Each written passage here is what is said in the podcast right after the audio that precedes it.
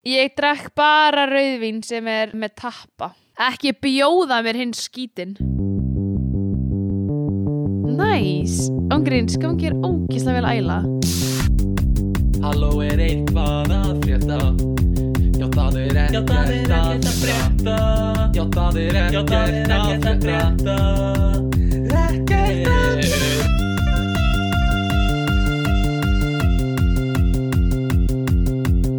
Velkomin í 77. þátt af Ekkert að frétta Ég heiti Stefán Já, góðan daginn. uh, uh, heyri Long time no see. Þið heyri hver er mætt með okkur í dag uh, Þetta er hún Júlia Sif og ætlar að rífa orkuna upp í þættinum greinilega held ég uh, og Bro, Ég, já, bro. Ég er búin að sakna þess að vera hérna. mm, ég sé sko, sko Júlia tala svo hátt já, að mækin minn, hann, hann heyrir, í- hann tekur jafn mikið upp á því sem Júlia segir og því sem ég segir. Hvernig sérðu það? Núna er, núna er kærasta minn að reyna að íta mér í burtu frá sér. Littilega íti mér í burtu frá mænu sínum Þetta er ótrúlegt. Hann vill ekki vera hliðin á mér. Ég ætla að koma með eitthvað svona intro eitthvað svona mm, ég heiti Stefán Gunnlaugur og ég er sterkur og þess vegna hlýt ég að hafa uh, lítið hjarta. Eitthvað svona uh, uh, svona stereotýpa en, en ég fekk ekki tækifæri til þess. Uh, Já, þann, uh, þannig að ég er mjög, mjög sár og hérna uh, að lítið mér. og nei, við skulum alls ekki byrja upp á nýtt. Uh, frábært að fá þig. Uh, hérna hvað segið þið gott? Sko, mm, ég ætla bara fyrst að byrja því að það er búið að vera mjög langur aðdrafandi að því að ég sé hérna í þætti. Mm, og ég er búin að sakna þess mjög mikið. Ég held að sé tvö ár síðan við byrjum síðan við, hvað er ekki tvö ár síðan þetta podcast byrjaði? Það eru rúmlega tvö ár við byrjuðum Rúmlega 2019 tvö ár. sko. við erum, við erum 2019 að verða mars eða ekki? Nei, 2000, oktober 2019 við erum að verða sko svona staple í íslenskri podcast menningu hérna. Já, og ég bara finn mjög mikið fyrir því að ég er heima hérna í þessu podcasti. Og ég er að vera í þessu podcasti. Ert, meira en ég er búin að vera. Ég veit ekki hvort þú veist að en þú ert mertin og bæjóð og eitthvað á Instagram um, Fuck off. og Meinar það er það? allir alltaf að senda á mig hvar er Júlia og hérna ég hlust ekki nema Júlia sé og eitthvað svona. Um, og þess vegna erum við með svona fá hlustendur sko. Uh, að því Það- að þeir eru allir Það að býja til snertir þér. við Það snertir við með Stefán. Mm gott. Uh, gott. Hérna, Gott. nei hvað já, þið eru úti og hérna það voru páskar, skóli og uh, þið fóru að heimsækja hvað, sýstu þína Júlia mm Hversu Fórum til þægilegt- hversu þægilegt að vera á meginlandinu og geta bara tekið lest og geta bara, þú veist ert í snertingu við sömu sam, sömu jörðina? Gauir, það er styrla Það er geðveitt sko og líka bara Þú veist, ég og Gummi erum búin að fara að taka lest til Parísar og nokkur sem til Brussel og, Mhm, mhm. og svo líka bara ferðast um Holland og það er svo lítið mál einhvern veginn ég veit Og- það er alveg ógeðslega mikið mál þegar ég Ok. fór núna. Ok, reyndar já, þú í einhverju kom- vissinni eða hvað hann, hann er traumatized Já, ég lendi í alveg massa vesinni, sko. Ég, varst ekki ég að jamma hérna- líka daginn áður jú, ég tók svolítið harkalega við daginn áður. já, já, já, svona, svona, þú flengtir þig aðeins þú aðeins svona, hérna refsaði sjálfur þér Já, já. já, Ég átti þetta alveg, alveg skilið að vissu leiti, sko. ok, ok Uh, en svo tek ég lestina og svo bara, það fer allt úrskeiðis sem gatt fara úrskeiðis. Ég kefti fyrst með það í strætó sem ég ætlaði að taka. mm. Svo glemdi ég vegabrifinu mínu Mátti ekki fara inn í strætóin Komin til Rotterdam, hann ég veist að fara tilbaka til Delft. Oh my að god. finna nýja lest? Mm. Svo var lestinni einni cancela Þannig ég veist að taka rútu á milli lestastöða Og misti þá af restina af ferðinni minni sagði að lestin taka eitthvað eitthvað um samkynniða eða eitthvað eða trans Lestin sjálf. Var til þess að vera cancelað var þetta eitthvað svona dónulegt sem þú voru að segja? Já, já, ég skil. Nei, Nei, ok. Þið varst þetta fyndi Nei, nei, nei ég... Nei, nei. Ó, þetta er svo skrítið viðbröð sem ég er að fá frá okkur. Þetta er bara Haldið bara áfram með sögul Já, ég bara vissi ekki alveg hvað þú vildir þetta Ég bara, þú slóst út af læginu Ég, ég fatt að þess að segja þetta bara eftir hvað er hann að segja? Akkur okay. akkur hún eitthvað samkynnið Habiti, gerir ég að missa af Ég Já, byrst forláts Allavega Þetta var frekar léleg ferð og, Mm. og hérna tók sinn tíma En samt versta var að amma var svo mikið að býða alltaf eftir gumma og hún er svona orðin, hún er 95 ára mm. En einhvern veginn vegna er gummi bara í uppáhaldi hjá henni. Ah, en að því að gummi að því að gummi var svona ótrúlega óheppin Mm. þá þurfti ég að gangi gegnum það að amma spurði um að 5 mínúta fresti hvar guðmyndur orri væri. Hvað er guðmyndur að því að hann var 6 klukkutíma á Já, já. Það var, mjög, það var líka mjög erfið tími fyrir mig. Ok, Svo kom ég tilbaka, hún vildi ekki trúa því að ég væri búin að borða kvöldmatt já, já, já Það fór í alvörunni 40 mínútur í það að Já. ég bara, nei ég borðaði og hún var bara, nei hann er ekki búin að borða gefið honum að borða. Þetta er akut mál. Það er bara start. En- Já, Þa- Þetta gerist líka bara þegar þú verður amma held ég. Eða þú veist, ég held að þetta sé eitthvað svona Þú veist, þú ferði í eitthvað svona uh, Í svona kubli inn í eitthvað kjallara sem er fullt af öðrum ömmum og svona kindlar allt í kring Og þú ert bara Það er bara reglur sem þú þarfst að fylgja þegar þú verður amma Það er bara, allir eru svangir, alltaf. Já, hún er sko, hún er alls ekki svona amma. Hún hefur aldrei verið svona amma sem er að gefa mér að borða. Hún hefur alltaf verið svona meiri amma sem er eitthvað svona fræða mig og já, svona hún er svona mikill fræðumæður en svo bara við alla, teng, alla, alla tengda sinni sína Mm. þá þarf hún sko að hugsa um þá. Mm, Það er að því annars hún, Annars snitsa tengda sinni til Council of Amma Og hérna Hún er rekin. Já, hún er ekki að gefa mér að borða Já, þetta er bara skandal Nei, Einmitt, ok. En að, að því við erum að tala um lestina þá, Mm. sko, þá lendi ég í nokkrum skrýtnum hlutum í lestinni. Ok, Í fyrsta lagi, þá satt, sko, á leiðinni til Brussel þá Já. satt ég við hliðin á Gaia Já. og hann var alltaf að dæsa. Ugh. og ég, sko, ég er ekki að tala um bara svona eitthvað eitthvað, ah, þú sest niður eitthvað svona, já, sem ég ger hann var bara að, hann var, já, þess að þú gerir mikið. Bara að þú reyfir þig eitthvað. Já, þá kemur dæs Sko, að reyma skóna er bara en hann gerði sko bara í, bara í einn og hálfa tíma sem ég satt til hliðan á mér lest, þá var hann alltaf eitthvað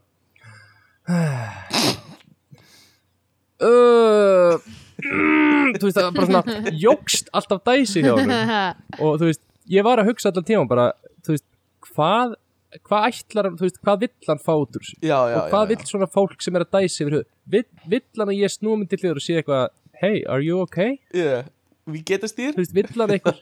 Nei, svona fólk það er bara, ég held að þið séu bara að þið- að þið veit ekki að þessu. Þú veist alveg þú veist, þú veist alltaf af því þú ert að gefa frá þér eitthvað svona ungljóð uh, Já, ég held það sko. Uh, nei, ég er ósamála Eth- ég er 100% ég er ósamála Ok, hei, það, ég held ekki. það er alltaf lagi. Það má vera ósamála uh, það má vera ósamála En já, mér finnst það mjög fyndið. Uh, Ég er mjög hrættur um að ég ger þetta sjálfur með heyrnatól á mér sko. Og þá gæti ég verið að Já. gera eins og Júlía sé að segja að ég taki ekki eftir því sko.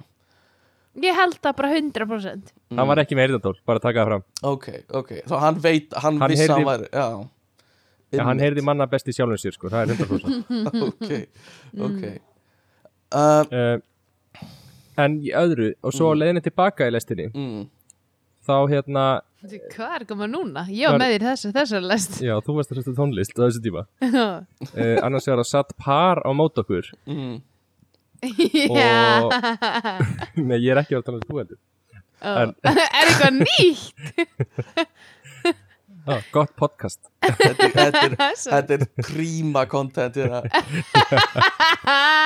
Shit man. Nei, ok uh, Sess að svo voru þau svona ekki að kissast en voru svona veist svona, svona strjúka saman nefjum Já, svona nebbast mm svona að Oj. nebbast nefbast ói. Hvort finnst ykkur, var ok, nebbast. sorry ég, ég, Hvort finnst ykkur verra ef að, ef að pappi kissir 20 ára dóttur sín á munnin eða hann svona nebbar hana í svona góðan tíma. Ok, hvað því er góðu tími? alveg svona tíu Þetta sekundur skiptir það máli. Já. Hvort hann kissa hann á munnin eða neppa hann í Þú veist, tvær sekundur, ef ég segja neppa hann Þetta er tíu mínúta nepp Þá ef ég segja kissa á munnin alltaf. Ok, þetta er, þetta er alveg mjög valið punktur. Já, reyndar. Tíu mínútur nepp er svolítið mikið nepp En, en allavega Þau eru að neppast Já, Svo byrjar hún einhver svona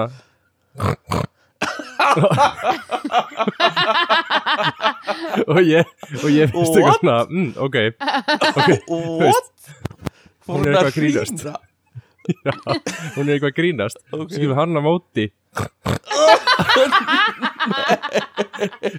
Nei. Svo gera þetta bæði. Og svo byrjaði bara sama tíma að vera bara Og bara byrja bara Í eitthvað svona hrínsleik Oh my god. Akkur, váttur um ekki? Er svína fólki að taka yfir? Hvað er að Það gera? var ótrúlegt sko. Bara animal farm. Er þetta fólki sem satt fyrir fráin okkur? Já, Nei, jú. Fuck. Ok, ég það var verð að segja sko. Ég verð að segja Hvað, ok, hvort er verra Ef að pabbi kissir 20 ára dóttur sína munnin Eða þau hrína hvort Nei, tjók uh, Bara grín. Hérna, ok, þa það er magna Það sem mér langar að segja er sko Við Íslendingar erum að missa af þessari lesta menningu Svo mikið, að því ég held Já. að þetta sé alveg Þetta er alveg svona share concept, skilur við Að vera í lest, það er ekki að sama að vera í strætó sko. Já, já. Langt frá því. Þannig að, Nei, þetta er miklu meira svona intimate já. Og þetta er, maður er líka lengur saman og maður horfir á miklu, miklu meira Mm. fólk. Mhm, og þetta er menningarlegra. Er intimate bara með hinnum þetta var örgulega ókunnugt par hana skilur maður neppast í lest og hrýnir en maður kann að meta ókunna manneski skilur en þetta er líka menningarlegra skilur það er menningarlegra að taka lest heldur en að fara í strætó. Uh, það er meira töff, skilur en, já Ég held bara að við þurfum að normalisera strætó á Íslandi Við Já, skulum bara koma á vandamál. áteki að það sé bara normal og menningarlegt að Normalisera. í strætó mm -hmm, Við Já. erum að normalisera strætó emmi Af því í dag erum við öll bara eitthvað Ú, strætó Já, ég, Þá komum liður illa ég er svona Normalisera. ég, Já, ég finn fyrir Já. svona erfileikum fyrir strætó en það er ógeðslega létt að vera lest Það er samt alveg sama hérna sko Mhm. Þú veist, hálendingarnir sem að geta eða hafa verið á bíl Þól Já. ekki lesta já, ok Það er svolítið sama hjá okkur á Íslandi Við erum Já. svona eitthvað Mhm. Og ég reyni ekki að taka strætó af Því að ég þekki það að vera með bíl Eða ég get redda bíl algjörlega sko strætó var eðlaði fyrir mér í mataskóla og það var bara því ég þurfti að taka tengivagn og þeir pössuðu aldrei saman þegar þeir áttu að passa saman og það er bara ógislega pyrrandi skilur, að þurfa að býða í kortir eða hálftíma af því þú sérð hinn strætó og keiri burtu þegar þú ert að koma skilur. Já. Ég man reyndar eftir þér svolítið mikið aftast í sleik bara í nei, strætónum nei, á leiðin nei, heim nei, nenni þú að hætta það. Heyrðu, ég, í kom það. verstafalli var að neppast. kom það! Þarna kom, ég var að býða eftir þessi Guð, ég þarf þetta lengi að koma maður það hlaut að koma að þessu. Ég, hérna, ég vil, ég vil þetta var ekki mín hugmynd. Ég vil bara, byrja, ég vil bara segja það. Uh, í, í öll þau skipti sem ég hef nebbast og farið í sleik í strætó uh, hefur það aldrei verið mín hugmynd. Það var Nei, en- gamli já. kallinn sem vildi það. Um, Já. Já, Og ég get kvitta fyrir það Það var aldrei neitt hrín. Það var var aldrei neitt trín. trín Nei. í mesta falli sem hún snáka eitthvað svona Já, já, já, eitthvað svona mesta. Og, og, já, og gælt í versta falli. Skilur Erðu, uh, já, En já, ég annað í lestinni. Mm, Ég hlusta á fólk í svona tíu mínútur Mm. rökra sem sagt hvort Svíþjóð væri land. What? Þau var eitthvað, yeah, I mean but Sweden. Mm, og þá var eitthvað eitthvað but Sweden is a country. Mhm, og þá var einn eitthvað no, what do you mean, it's not a country it's a, it's, it's it's uh, it's like a, a, region, right? what? Go, no, it's a country. It's it's the one with the like red flag and it has like a, a white plus in the middle. Yeah. Yeah. yes svo spurði bara, yeah, I mean Sweden is a country, right? But yeah, yeah, but but it's it's the it's the blue and yellow yellow uh, uh, plus sko, ég hugsaði bara mér fannst þetta ótrúlegt. Já, að já. fólk fólk statt í Hollandi myndi ekki vita að Mhm. Svíþjóð væri land. Og var þetta á er ennsku? langt í að þau viti að, já, Já, ok. Ógeðslega langt í að þau vita að Ísland sé land. Já, já, mjög Slepp. langt sko. langt í að þau uppgöti Ísland. Mm Áhugavert, ég Er held að það? Heldur að heldur að þau hafa ekki vita hvað Ísland væri? En sko, Ísland hefur þú land. veist ekki hvað Svíþjóð Veit ég hvort það skipta máli En já, Sweetland. Sweetland. Það er þetta gott nafn. Sweetland. It's so sweet. Já, ok, mér finnst það magna Þetta hljóma svolítið eins og svona bandaríkja syndrom eitthvað. Um, já, já, En þar eru við komin inn á stereotypur á bandaríkjunum sem hérna að Já. við vita ekkit um Já. neitt annað en bandaríkin. Uh, segðu Segðu, ég var að segja. Ekki segja mér að segja þetta aftur. Hérna uh, ekki segja þetta aftur. ekki segja þetta aftur. Hvað hérna, já, ok það, já, algjörlega, þessi lestamenning þú veist, þetta eru bara einhverja frábæru upplifanir sem ég vil hafa hérna á Íslandi skilur ég vil að einhver sé að tala um bara eitthvað er færiðar er land og einhver er eitthvað, nei, það er Já, ekki já, land já. og eitthvað svona. Uh, en hefur þau prófað að fara í strætó og bara rúnda eins já, bara sitja Veistu og bara hvað? Ég er með ég er með kenningu joke. Mm Eftir að að búa hérna í ár Svona ok, halvt ár rúmlega. Mm, Með skiptináminu mínu, ok. Mm, Mér líður eins og fólk á Íslandi sé svo miklu meira svona meðvitað um sig heldur en fólk erlendis. Já, já. Og það þór ekki að segja sína skoðun og það þór ekki að vera heimst og það þór ekki svona að veginn vera bara talstræt og vera drullu sama ef einhver heyrir í sér en fólk hérna, þú veist, það er svo margir hérna og eitthvað að þau þóra bara að segja eitthvað helvitis kjafta og þau mynd drullu sama um hver heyrir í sér. Að einmitt. var enginn á Íslandi myndi þóra að vera eitthvað wait, Mhm. is Sweden a country or not? Þú veist, Mhm. enginn myndi eins og koma með þessa pælingu þú veist, Einmitt. Ég finn svolítið fyrir svipuðu dæmi þegar ég fer í heitan pott með einhverju félagi mínum. Skilur, stundum er maður svona að ég þór ekki að vera að spjalla með eitthvað svona í kringum fjóra aðra. Og það, þú veist, allir bara hlusta. Uh. En stundum er ég bara eitthvað svona að fuck it, eitthvað svona. Og fer bara tala um, þú veist, já, eitthvað. Og þá er ég að hugsa bara, ég er bara að gefa þeim sjó, skilur Ég er bara já, já, að leifa þeim að fá að vera með í þessum frábæru og áhugaverðu samræðum sem ég hef, hef hérna alltaf. Um, Já, þú veist um hérna frímerkjasöfnun og eitthvað svona.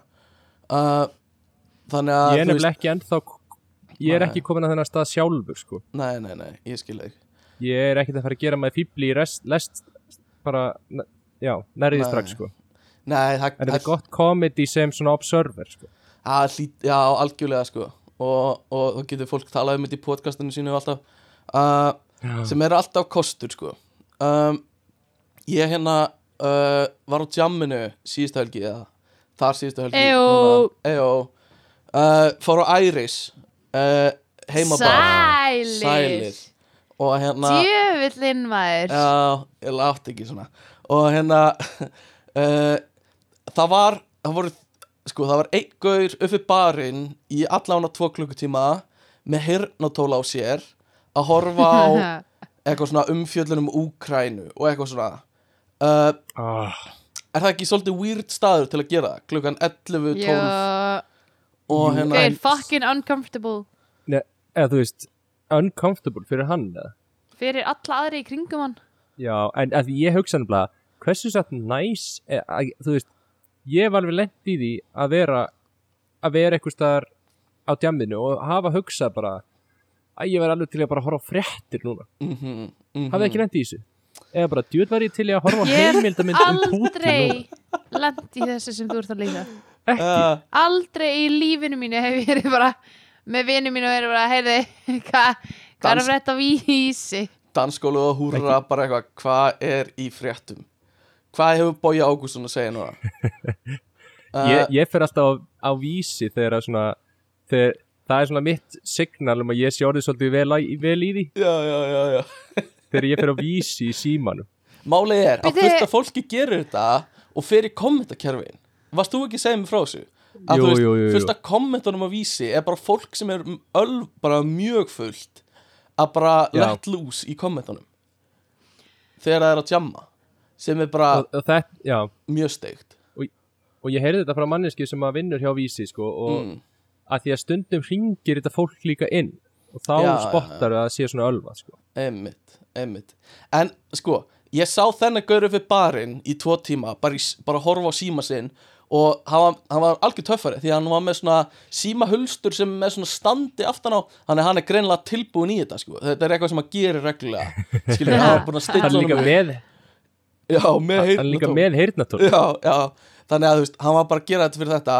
En á sama tíma á borði á Æris var hann að hann að gamall pírati, hvað heitir hann Helgi Hrafn eða eitthvað svona. Já, Hann er alltaf þarna. Já, hann satt hann á Æris COVID þarna. Já, ymmit hann var með tölvunni sín á Æris með heyrnatól já, já, og eitthvað já. að vinna. Uh, hann er ofta að posta í forritunargrúpuna á Facebook, hann er kannski var hann eitthvað að, uh, eitthvað að forritast. Uh, skrítin staður og stund finnst mér. Uh, ég myndi kannski fara á kaffihús frekar en ég meina, þú veist uh, whatever floats your boat skilur um, en hérna uh, Æris, þetta var mögnuð ferð. Ég þarf að segja ykkur Ég, svo, Hvað varst að gera á Æris? ekkert, ekkert merkilegt þú veist, ég fór með nokkru félögum og uh, Ég vil vita hvaða félögum Hvaða félögum varstu með? ég var með uh, Alex, Karen, Tomma og svo var Bjöggi með líka allana, á einum, tím, Oh, missed them á einum tímpunkti þá voru allir farnir nema ég og Tommi ok, þannig ég Ok. og Tommi sátu bara tveir á borði og hérna og voru bara að spjalla og eitthvað svona. Og já, svo kemur fólk út úr karaoke herbygginu og æris og sest á borð og fæ sér bjór og eitthvað svona. Og það kemur maður lappandi sem var í þessum karaoke hóp og er búinn að fá sér bjór og lappa fram hér borðinu okkar og svona nær auksambandi við mig. Og ég eitthvað svona, nær svona te, já, tek undir auksambandi og hann eitthvað svona já, hérna, Hjörtur Hjörtur Þrastason. og hérna og ég er bara já, blessaður. Og hann eitthvað, blessaður Hjörtur. Hérna gaman að að sjá þig. Og svo svona sest hann hjá mér. Og, og ég eitthvað svona, ok, þetta er einhverju gamli vinnir eitthvað, bara aðeins gaman að fokast í honum. Og svo, svo segir hann við mig hérna, já, bara sorry með vinnuna, að við gátum ekki ráðið þig. Og ég var bara, mm, mhm. mm, já, Nei. bara ekkert mál sko, ég skil það alveg. Nei. Hérna, uh, uh, bara takk fyrir samt að, að taka við umsöknin og hann eitthvað ekkert mál maður, hérna, mér finnst það ógíslega leðilegt og hérna uh, þú veist, Nei. mér, mér, mér leist er- rosa vel á þig og ég eitthvað mm, get ekki, hva- get ekki sagt ég er bara eitthvað, mhm, já, já já, takk fyrir það maður. Svo er hann eitthvað svona Helstu áfram með þetta Stefán? ég var komin of djúpt. Ég held þetta væri bara eitthvað svona Eitthvað svona gamall félagi. Og hann eitthvað svona, já ég þekkti þið bara á myndinni. Greinlega mynd sem fylgdi umsókninni sko. Og hann, Já. ég eitthvað Já, ymmit, ymmit myndin, já, ymmit Og svo eitthvað býtu, býtu, býtu, ok, býtu ok. Stök, slaka á, tökum þetta aðeins í skrefum. Ég þekkti þið bara á myndinni. Já, ég býst við þessi myndin á atvinnu umsókn Sem hann sendi Já, á hana en þannig að þeir hittust ekki í viðtali? Nei, nei. En Nei. akkur myndur þá segja Sorry að við gátum ekki ráðið þig? Já, Þú veist, þá hefði Hjörtur ekkert vita hversi gaurveri Jú, jú, að þið býttu, ég er ekki búinn.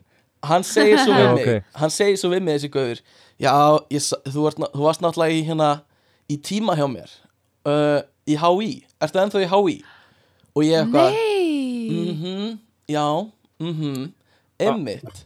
Og hann Stefán Gunnlaur og þá var þetta einhver svona kennari sem kent honum og hafði örugglega sett á umsóknina eitthvað, ég satt tíma hjá þér eða eitthvað svona uh, í umsóknina og, og, ég, uh, Nei. Og ég eitthvað svona mhm, já, já, já mhm, og hann eitthvað svona, ertu ennþá í HÍ?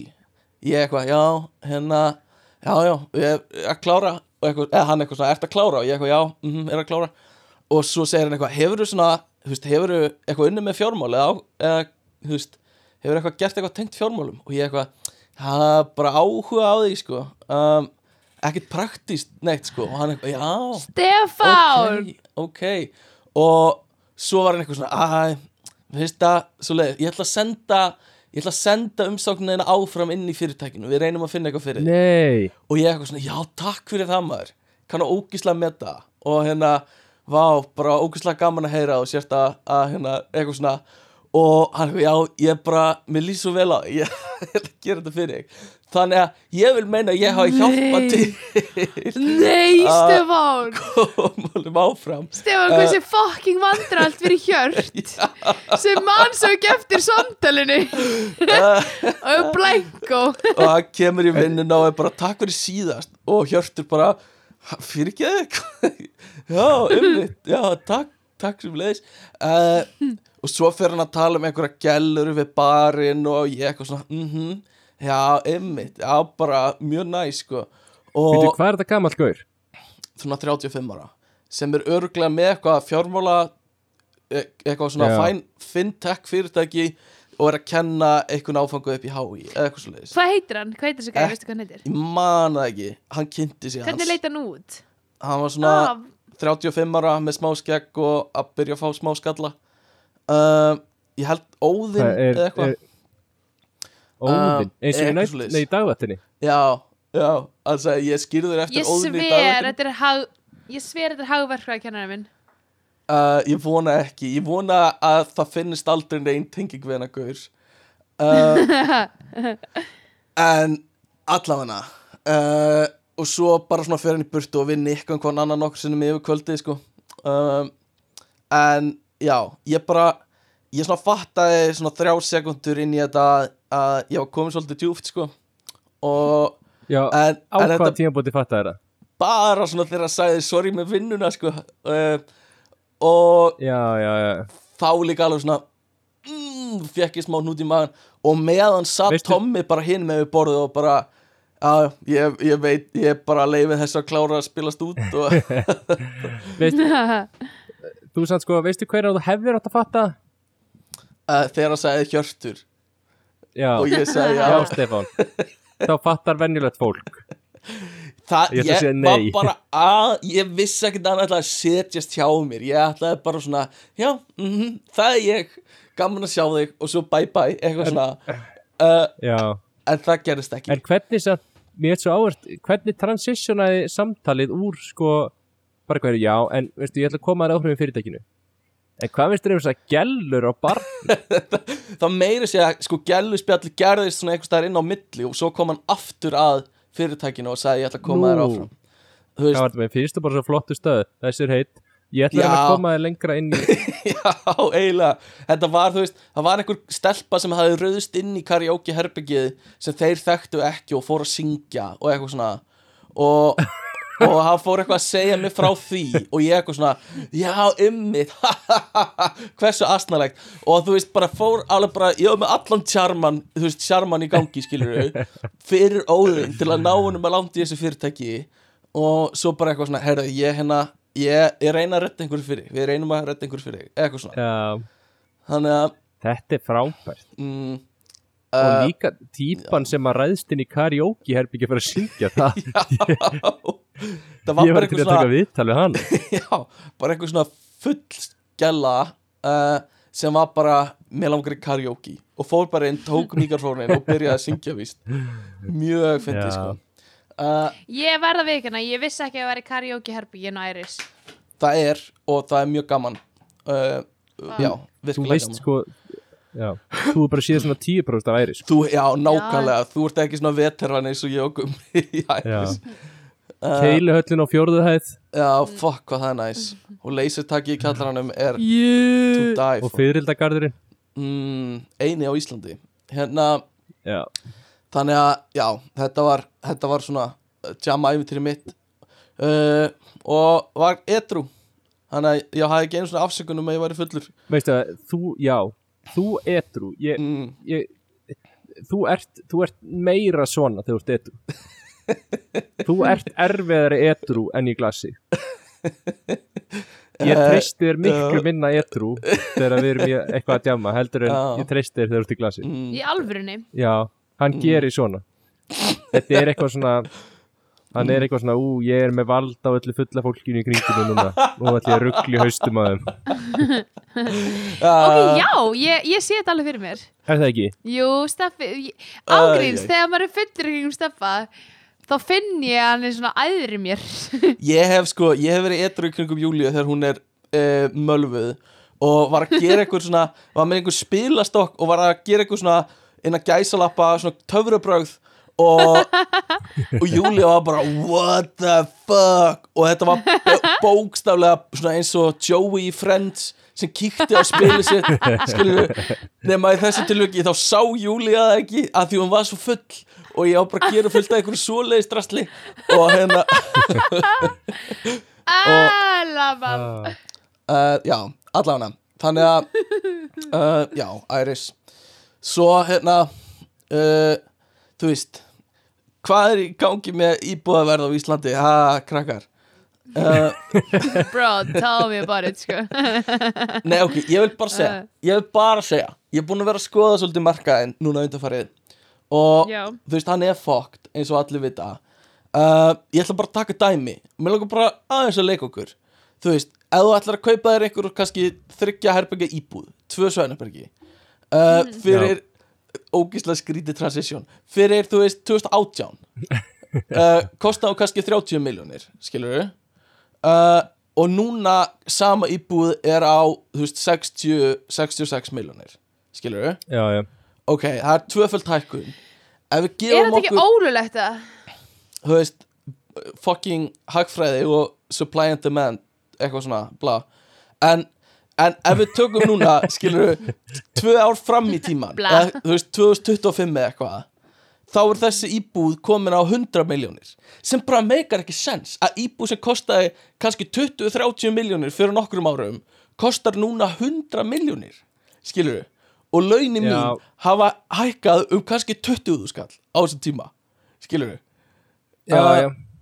allavega bara, ég, Þú ert ekki eina manneskjan að tala um þetta nei, ég bara, ég fatta þetta ekki sko. En ok, hvað hva á maður að gera í þessu? Hvað, akkur, þú veist, er þetta út af því að það eru fucking einhverjir fjárfestingafélög að kaupa allir íbúður að hækka verðið á mörkanum? Eða hvað, akkur fokk, hvernig ég var að laga þetta, við? yeah, Það þarf að setja einhver lög þannig að við, þannig að sé ekki Mm. þetta ein oka þessar íbúðir, við, já, og já, stjórna þessu verði. já, Þetta er eins og eitthvað svona monopolistic market þar sem maður er bara einhver eitt sem er bara að ráða verðinu. þetta er svaka orð hérna uh, alveg satt Monopolistic sko. market þetta er alveg Nei, satt no þetta er joke, þetta er fucking pyrrandi. þetta er alveg satt sko. Já, já uh, ég, Og það já, þarf að vera eitthvað svona sem að stoppar þetta, þetta getur Mhm. ekki verið svona, þetta ge- þessi þróun er bara fucking raung, þetta hljómar eins og einhver einokun. ég veit á tíu Já. árum er kannski 3-400% hækkun eða þú veist, eitthvað svona cirka 2-300 Rugl. sem er bara, þetta meikar ekki sens og þú veist, ég bara sé ekki fram á uh, að, þú veist, þú ert að borga þetta þú veist, í svo mörg ár skilur ertu einhvern tímann að fara að ná að borga þetta? Er mín pæling bara. Þú veist, að því það er erfitt fyrir fólk sem var fyrir 20 árum að borga hérna uh, húsnæðislánu sitt. Núna er það, þú veist 500% hærra eða eitthvað. Uh, bara smá Fucking pyrrandi maður. Já, smá svona eitthvað sem ég skil ekki sko. Ég uh, hann að ég gummir um pæla að kaupa kaupa ykkur íbúð í Delft. Já, uh, Gummi var sem frá, mér finnst það frábær hugmynd það. og já, mér finnst það bara mjög solid hugmynd sko. uh, Við fáum lán með 1% vöxtum. Já, það er bara fárulegt það eru svona 5-6% vextur á Íslandi uh, basic þannig að það er bara mjög góð hugmynd sko. Þannig að, sko, eignamyndinin verður sko miklu hraðari. mhm, mhm, nefnilega uh, Þannig Þetta að er góð pæling. þetta er góð En pæling eitt, segðu mér eitt, segðu mér eitt, segðu mér eitt. Já, Hvernig gengur að finna íbúð samt? Er þú og Krista búin að finna eitthvað? við erum búin að vera að skoða svolítið undarfarið og það gengur bara, Ok. uh, bara svona mjagast áfram Er Þannig að- alveg fullt af íbúðum á sölu eða er það líka vandamál?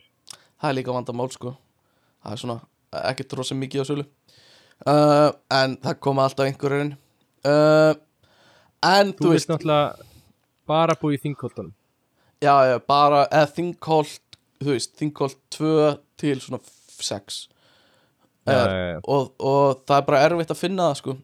Þingkolt 2 til 6 en, en hérna já, það, já allavega, en enn ekki tala um þetta meira hætt að tala um þetta hana, hérna, monopolistic umræðefni nenni ekki að monopolistic umræðunni já, yes ég- baby. meðan ég var að býða eftir ykkur var ég að horfa Já. á hana réttarhöldin yfir hana sem Johnny Depp og Amber Heard eru hafið þið eitthvað fylgst með þessu? bro, já ég, þetta er svo, þau eru ógíslega hvort annað og svo náttúrulega vann hann eða ekki? Ég, það, hann, það eru ennþá í gangi sko. Hann var að Ó. testifæja í dag og í ger uh, eitthvað svona heimilisofbildismál þú veist, ég ætla ekki að fara að tala eitthvað um málið sjálft. Uh, frek, þú veist, bara verðist vera bara að þau hafi bæði verið frekar vond hvort vannað en hérna uh, það sem ég bara mér finnst þessu skrítið þegar svona mál eru opin, eða þú veist að þetta sé bara eitthvað svona fjölmiðla fár í kringum þetta. Er það ekki eitthvað svona þú veist, er það ekki skrítið það? Að svona eins og O.J. Simpson málið og eitthvað svona já, það er svona huge mál Ég- verða já. bara eitthvað svona pop culture umræðefni mér finnst þetta frekar ógíslega sko. Mm, mér finnst mjög erfitt að, að jú, en þau náttúrulega velja þetta Ég Nei, veit þau velja þetta Ég held, ekki. ég, er það velja þau þetta? Ég held meina, ekki þau- Jú, ég held það er ekki að Hvernig? segja mér að að að þú sést frægur og þú getur sagt bara eitthvað er nei Eða eru kannski öll réttaröld opinn eða? Bro, eins og Kim Kardashian, skilur Nei, þú veist, eins og Kim Kardashian Það er ógeðslega mikið að snitches í kringum þessa fjölskyldu sem vita bara allt um þau sem þau vilja nótvík ekki að fólk viti eins og bara eitthvað svona Já, en þú veist, þetta er náttúrulega myndaður inn í réttasalum Það er ekki svo Mhm. séu eitthvað Það er ekki svo þau lappa út úr réttasalum og séu bara Býtu, vó, var þetta tekið upp? Mm, Þetta- þú veist, Það ég Þú var, byrju fast að horfa liturli á bara rétt já, ég var bara að horfa á stærstu kvikmyndastjórnu heims Johnny Depp, vera að tala um heimilisofbildi sitt, skilur og bara vera yfirherðan og eitthvað svona. Þannig að, þú veist, það er mér fannst það bara smá eitthvað neginn crazy, sko uh, burt sér frá innihaldi málana, sko. Uh, og ég bara veit ekki af hverju þetta er opið hvort það er út af því að þau völdu eða hvort það þurfti að vera uh, eða hvort þau, þú veist, já, hvað þau græða á því að hafa þetta opið kannski halda þau geti breytt einhvern veginn sjón almennings á hvað er í gangi eða eitthvað. Þannig En kannski er, þú veist, normið að réttaröld séu opinn mm, nema þegar einhver ástæð til að hafa þau lokuð. Já, já, já, gæti verið. Mér finnst maður líka alveg að heyrt um eitthvað svona Nei, réttarhöldin yfir, þú veist Breivík verða lokuð vegna tillit sem ekki hvort fórtalömbum eða eitthvað svona. Já, það gæti verið sko. Um, já, Bro, ég trú ekki að réttröld sé öll opin.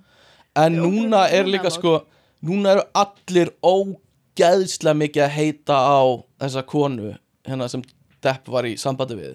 Bara öll komment sem ég sé allstaðar eru að, þú veist, bara heita á hana. Uh, ég, ég veit ekki hvort að það er til bóta að hafa þau opin í þessum aðstæðum eins og þar, skilur við Nei, það er líka svo asnalegt sko.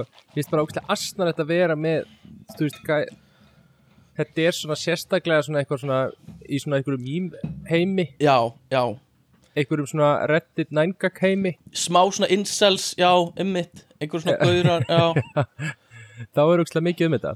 Mm og þú veist, mér finnst svona jú, jú, skilur þeir eru svona, þú veist, þeim finnst vanta sér staði með honum að þeim finnst illa farið með hann og allt svoleiðis. Já, en þú veist, í svona málefni það er enginn sem er hugmynd um hvað átti sér stað nei, það er nefnilega. enginn, þú veist, og þessar upptökur sem verður að spila þarna og eitthvað þú veist, það er enginn sem að vitna af þessu. Þetta Þannig er að svona eitthvað ógeðslegt mál. Þetta er eitthvað svona eins og hún á að hafa kúkað yfir allt heima hjá honum. Er það lígi hjá mér? Nei, ég, ég meina það er það sem er verið að halda fram að það fannst einhver kúkur í rúmun hans skilur þú- uh, já, já. þannig að ég veit ekki ég er bara, uh, já ég, þú veist, mér, í rauninni inntaki í málinu er ekki eitthvað sem ég vil og kannski, já, er gott að tala um akkurat núna, meira bara svona framkvæmdin og réttarhaldunum fannst mér skrítin og kommentin í kommentakerfunum eru svona áhugaverð Mér finnst, samt- mér finnst alltaf líklegt að að þetta hafi verið eitthvað svona þau eiga náttúrulega bæði gett huge, huge svona install fan skilur mm -hmm. þannig að þau geta nýtt sér install, incel. Uh, varstu, En ég ætla, ég ætla að segja sko install base. En Ok. svo ætla ég að segja fan base. Mm, ég skil, ég skil. Ok, Eh. nei, já, ég skil hvað mennar þau eru bæði með eitthvað svona netheri sér- mhm, þannig að þau geta líklega nýtt sér það fólk skilur með sko. sér í liði sem Mhm. ég er slíklegt. En, en ég veit ekki, ég trú ekki að re öll réttaröld sé ofinbyr Na, nei, við erum ennþá þar. Nei, ég, já, einmitt. Ég veit ekki sko. fáralegt að vera satt. Við, já, neða, finnst það samt alveg lógíst sko. Það er rétt að eiga að vera svona mm, þú veist, þetta er svona ákveðin mynd fyrir ríkið, sjálfstæði og já, frelsi. Einmitt, einmitt. En það er alveg algengt að það séu loku sko. Þess vegna erum við með hana teiknara. Þú veist, það má ekki vera með hérna ljós Nei, þau, þau mega kannski þau, Já, sko Þau mega ekki vera uh, Það má ekki ljósmynda venjulega inn í réttarsal. Skilur, þess vegna erum við með teiknara sem teikna alltaf upp. En stundum eru þau opin fyrir myndavélum, skilur Þannig að og það er það sem er að gerast núna. Skilur, Já, já þá má taka upp. En þú getur væntar alltaf fengið transkrift af réttarhendu í, já, sennilega, það er alltaf alltaf pikkað upp, sko. Þannig að, I don't know man. Uh, bara fasta smá skríti en vil ég ræða eitthvað meira? Eða ég að dempa okkur í eitthvað alvöru stöf hérna, eitthvað hardcore Já. stöf Við erum Ok. eiginlega bara búin með heilan þátt. Já, eiginlega, takk fyrir kominu Júlía. Þannig að, Ég vil, ég vil ræða uh, Hvernig þú ætlar að koma í heimsó til mín? Já, hérna Miss you, miss you. Ok, við skulum ræða það eftir upptökur, það verður mjög gaman. Nei, ég vil að fólk viti hvernar, þannig að þessi skjálfest á þessari upptöku að þú komir í heimsók Einmitt, einmitt. Uh, Við skulum, ég pæli því og við klárum við sömræði í lók þáttar. En uh, rauðin dagsins dag, Gumi, hvað er rauðin dagsins? Pepsi Max Bebius Maximus. Uh, Terra Pura. Gummi er að drekka mjög fancy rauðvin, það er mjög gott. Ég er að Já. drekka Pepsi Max heil- hins vegar. Rauðin dagsins Hvað er Terra? Pura. Terra Dura. Mm, hérna, Terra Dura. Nice. Heyrðu, Steppi, ég glemt að segja frá henni. Já, Þegar ég bjöði Gumma í ammælisverð til Parísar þá fórum við í vínsmökun. Er þið kannski búin að ræða þetta? við rættum þetta smá Já, Já, ok. Við erum alveg mikið vínsnopp já ég, ég sé það bara á ykkur sko. Þeir Já, með- við drekkum ekkert í neðslu hyllinni Nei, þeir eru með frönsku húunar uppi og bagettin bara á hliðalínni sé ég bara. Þannig að, Ég drekk bara rauðvín sem er uh, með tappa já, núna. einmitt. Ekki, Ekki bjóða mér hins skítin Nei, enga beljur heim til þín. Einmitt, Eða skrúfutappa, oi oi barasta. Uh, Oi, bara það uh, Styrtaræðileg þáttarins dag er einmitt rauðvin með skrúfutöppum uh, Hvað var um bananana?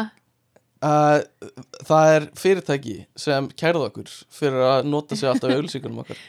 Æjá, djók. Uh, Skrúfutapparauðvin Vantari upptakara Ekkert vandamál Skrúfutapparauðvin Þetta er slagur að þeirra. Uh, Þú er greinlega ekki búin að hlusta í svolítið tíma, Júlía af Því núna erum við alltaf með styrtaðalarla og slagorð Fyrir hver styrtaðalarla uh, Þannig að, að hérna uh, Við skulum bara halda áfram. Uh, Við ætlum að ræða í þessu tætti Stereotypur og klísjur uh, Ég er ógæðslega hrættur um að að segja eitthvað óvart sem uh, ég mein ekki eða má ekki segja. Uh, eins og þú veist þessir hópur er alltaf svona bla bla bla. Uh, þannig að ég ætla bara að setja fyrirvara það. Uh, þetta er hættul þáttur, þetta er jarðsprengi þáttur eins og við segjum. Akkur Hva- fengum í þennan þátt? Þetta er ekki gott fyrir mig. Til þess að cancela þér. Uh, hvað, hana, hvað stereotypum haldið að þið tilheyrið? Er eitthvað svona eitthvað sem eitthvað dettur í hug? Uh, uh, Ég vil að við gerum þetta fyrir hvort annað. Ég vil að ég segjum Steppa Steppi segir mig. Nei, Ok. okay. hvernig, hvernig ég vil gera þetta? Hvernig ég vil við bjóðslega til það ok uh, ég skal byrja á hérna Júliu uh, nei ok, ég skal byrja á Gumma. Það frekar auðveld Gummi er hérna uh, svona millistéttagaur sem elskar að horfa á fótbolta og drekka bjór skilur Fact. Og hérna og uh, Gummi er líka uh, hann er forritari og hérna uh, er nei ok, hann er líka hann er líka svona hvítur kallmaður sem með podcast. Það er líka Sko, stereotypa þarna varstu að lýsa þinni stereotypu, vinnur Mhm. Ég er Þú alveg ert sko, ok, ég ætla núna að gera þig ok, Þú ert svona, svona tölvuleikja kall svona ekki Ok. svona FIFA strákur þú ert svona, Nei, já. svona ævindira, e, ævindira töluleikja kall ok. Mikill svona, svona orkudrykja svona drykju kall mm, ok, ok. Og, og svona, svona, svona tölvukall. Það er stereotypan Svona laga prentarar kall já, þú ert svona laga fröndarakall Svona goggi mega. Uh, Ok uh, Ég skil hvert þú ert að fara með þetta. Svona, ég er samt ekki þessi tölvuleikja Mountain Dúkur sko. uh, uh, þú ert að samt alveg væpið, þú ert alveg það væp. Ok, ég er, væ, já, ég er orkan. Ég er sömu orku á þeir já, já, en þú veist, þú ert það ekki í alveg Nei, En þú, þú ert líka svolítið svona Svolítið hérna við erum bara að rústa hvort annað þetta þetta fæ like, þetta var ekki verið eitthvað styr þetta er bara þáttur uh, uh, alveg gengur út í engin, að það er alveg engin rústa. byrjar að rústa þig. Nei, ég er bara stressu Uh, Ég er með full Ég er með fulla banka hérna hér Júli ái uh, Ok, Júlia, þú ert svona Þú ert smá svona woo girl. Hérna típa hvað er það? Svona, svona uh, fara á klubbin og svona woo, og svona gæla og tekur speiklamyndir þú ert svona speiklamyndagæla líka sem svona sem setur upp svona duckface típu og, og hérna 100% ég tekið mér stolti já, já, bara algjörlega. Um, uh, þú ert uh, típan sem var uh, í leiklist í mentaskóla en hættir í þegar þú hættir í mentaskóla þú ert svo þannig. Hvað, hvað hva, er það típa? já, er það svona, svona aðtigli sjúk já, en veist, þetta er ekki líka- lengur aðtigli þetta eru líka gaurar sko, sem eru þú veist rosa aktífir í einhverju félagslífi mentaskóla og detta svo þú veist inn í bara svona 94 vinnur skilur já, já Myndirðu, e, þú myndir ekki setja þig þar jú, ég myndi alveg akkurat núna er ég þar líka sko. Uh, uh, hvað er Júlia meira? Uh, Júlia roast me baby. Uh, já, Júlia er hérna uh, er svona gælla sem á kærasta sem er fótbolta bulla Nei, ég er ekki sammála þessu. Ég er ekki súgjala Það er Ok. ekki rétt. Ég, ég andamæli þessu. Okay. Júlía er samt svona algjörlega algjörlega svona gælla sem á kærasta sem er ókslega rólur já, einmitt og er ég- rosa æst sjálf.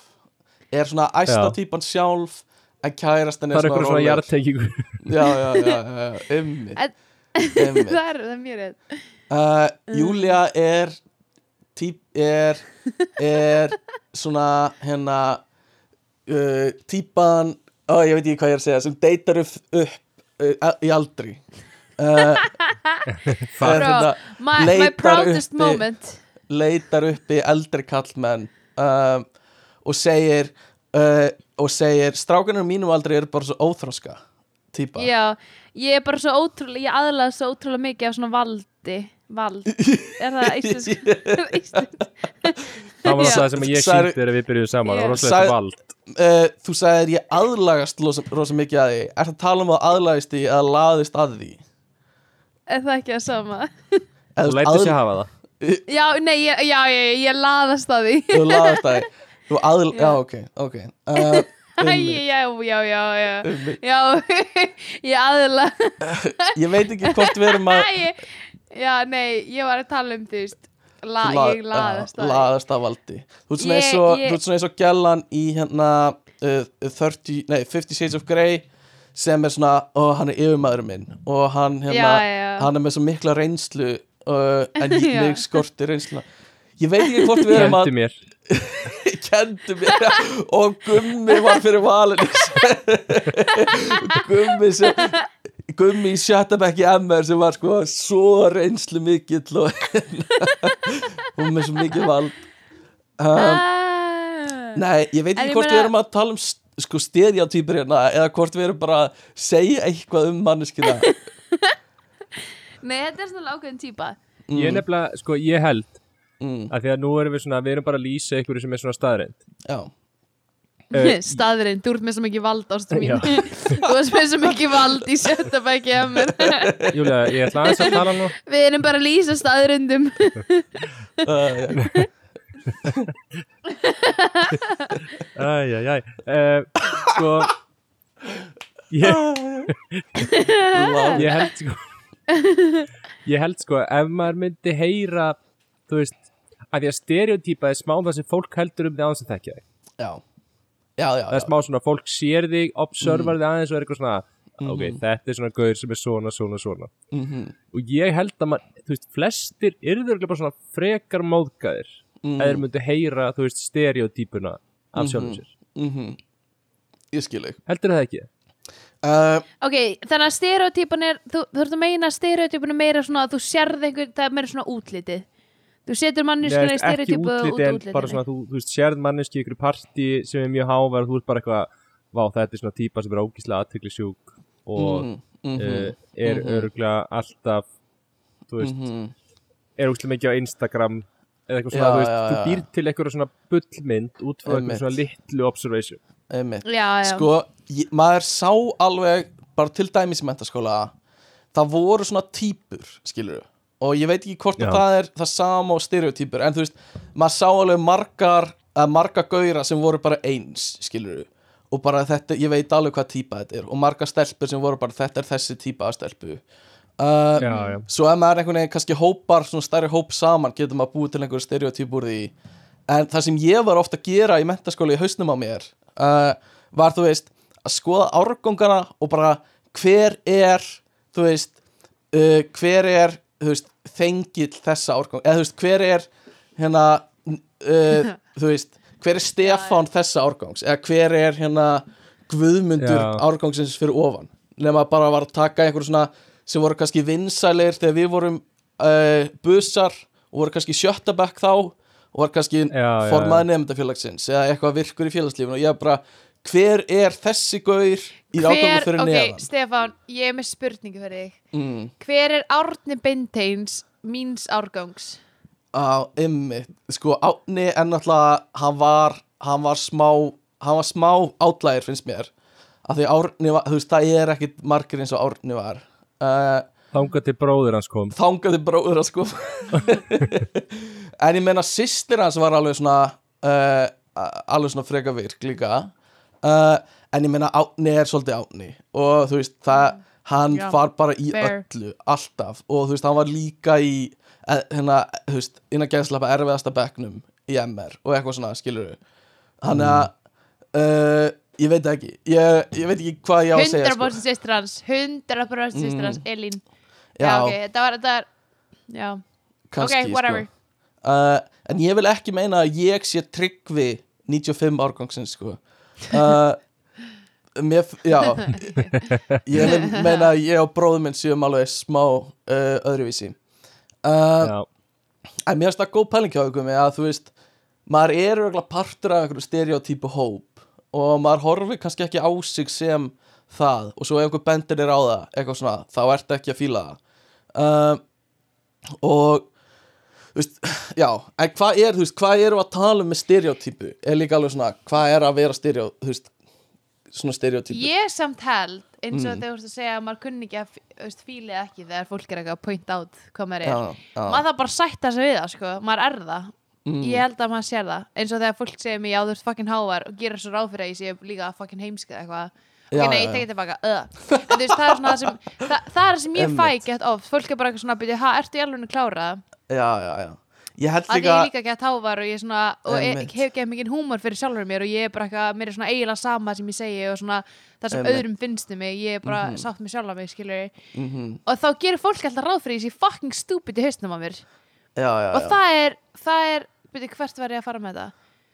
Eh, bara, Eh, ég ekkert- búin að, ekkert ég glimti hvað, hvað ég Nei, ég glemdi hvað ég byrja Já, þá þarf ég bara að sætta mig líka við það. Ok, ég er fucking háar, ég ætla ekki að vera pyrruti að fólk sé að gera ráð fyrir Mhm. þessu. Jú, auðvitað væri betra að þetta myndi breyta skilur, En ég þarf líka bara eitthvað svona Mhm. Sætta mig við það og ég Já, það er alltaf læg að fólk setja mig í einhvern hóp að Ég var alltaf að reyna Ég var alltaf að reyna að vera ekki ég sjálf og vera alltaf ekki hávar og reyna að taka lítið plástundum að ekki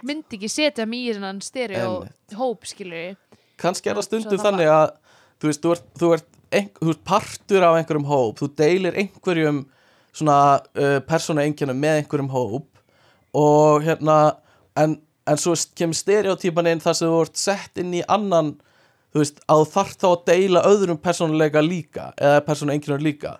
Þannig að þú veist, þú ert Já. hávær þú getur sagt yfir það en þá ertu heimsk, skilur að hérna, að þú veist, að þannig geta stereotypu verið erfiðar. Að þú veist, já, þú ert hávær en þú ert ekki heimsk en allir halda á sér heimsk af því þannig er stereotypan, mm Mhm. skilur uh, ég, held, Veit- ég held samt líka sko að stereotypur séu mm, þú veist, þetta er svolítið tölfræðilegt gisk samt. Já, og það er akkurat það sem ég ætla að tala um líka er, þú veist, akkurat er, ef við erum með einhver, einhver gogn fyrir það, skilur við, gagnafræðingarnir hérna uh, þú veist, sem lýsa einhverju ákveðum hóp segjum bara allir sem eru örfendir, það er bara auðvelt. Uh, þú veist, að þau eru einhvern veginn, þú veist eru, uh, eru heimskari eða eitthvað svona uh, ef, við, ef við værum með gogn sem, þú veist, staðfesta það uh, mættu við þá hald, veist, hafa þessa stereotypu og halda henni fram. Og hversu margir innan hópsins þurfa að uppfylla til þess að stereotypan eigi rétt á sér skilur, er það 90% er það 50% uh, eða eitthvað svoleið skilur, ef að þú veist, megum við einhvern tíma bara trúa stereotypu alveg og hérna halda þið fram? E, já, þú veist, það er alltaf spurning upp að hvaða marki gognust við eitthvað á því að mm hugsa um fólk í stereotypum?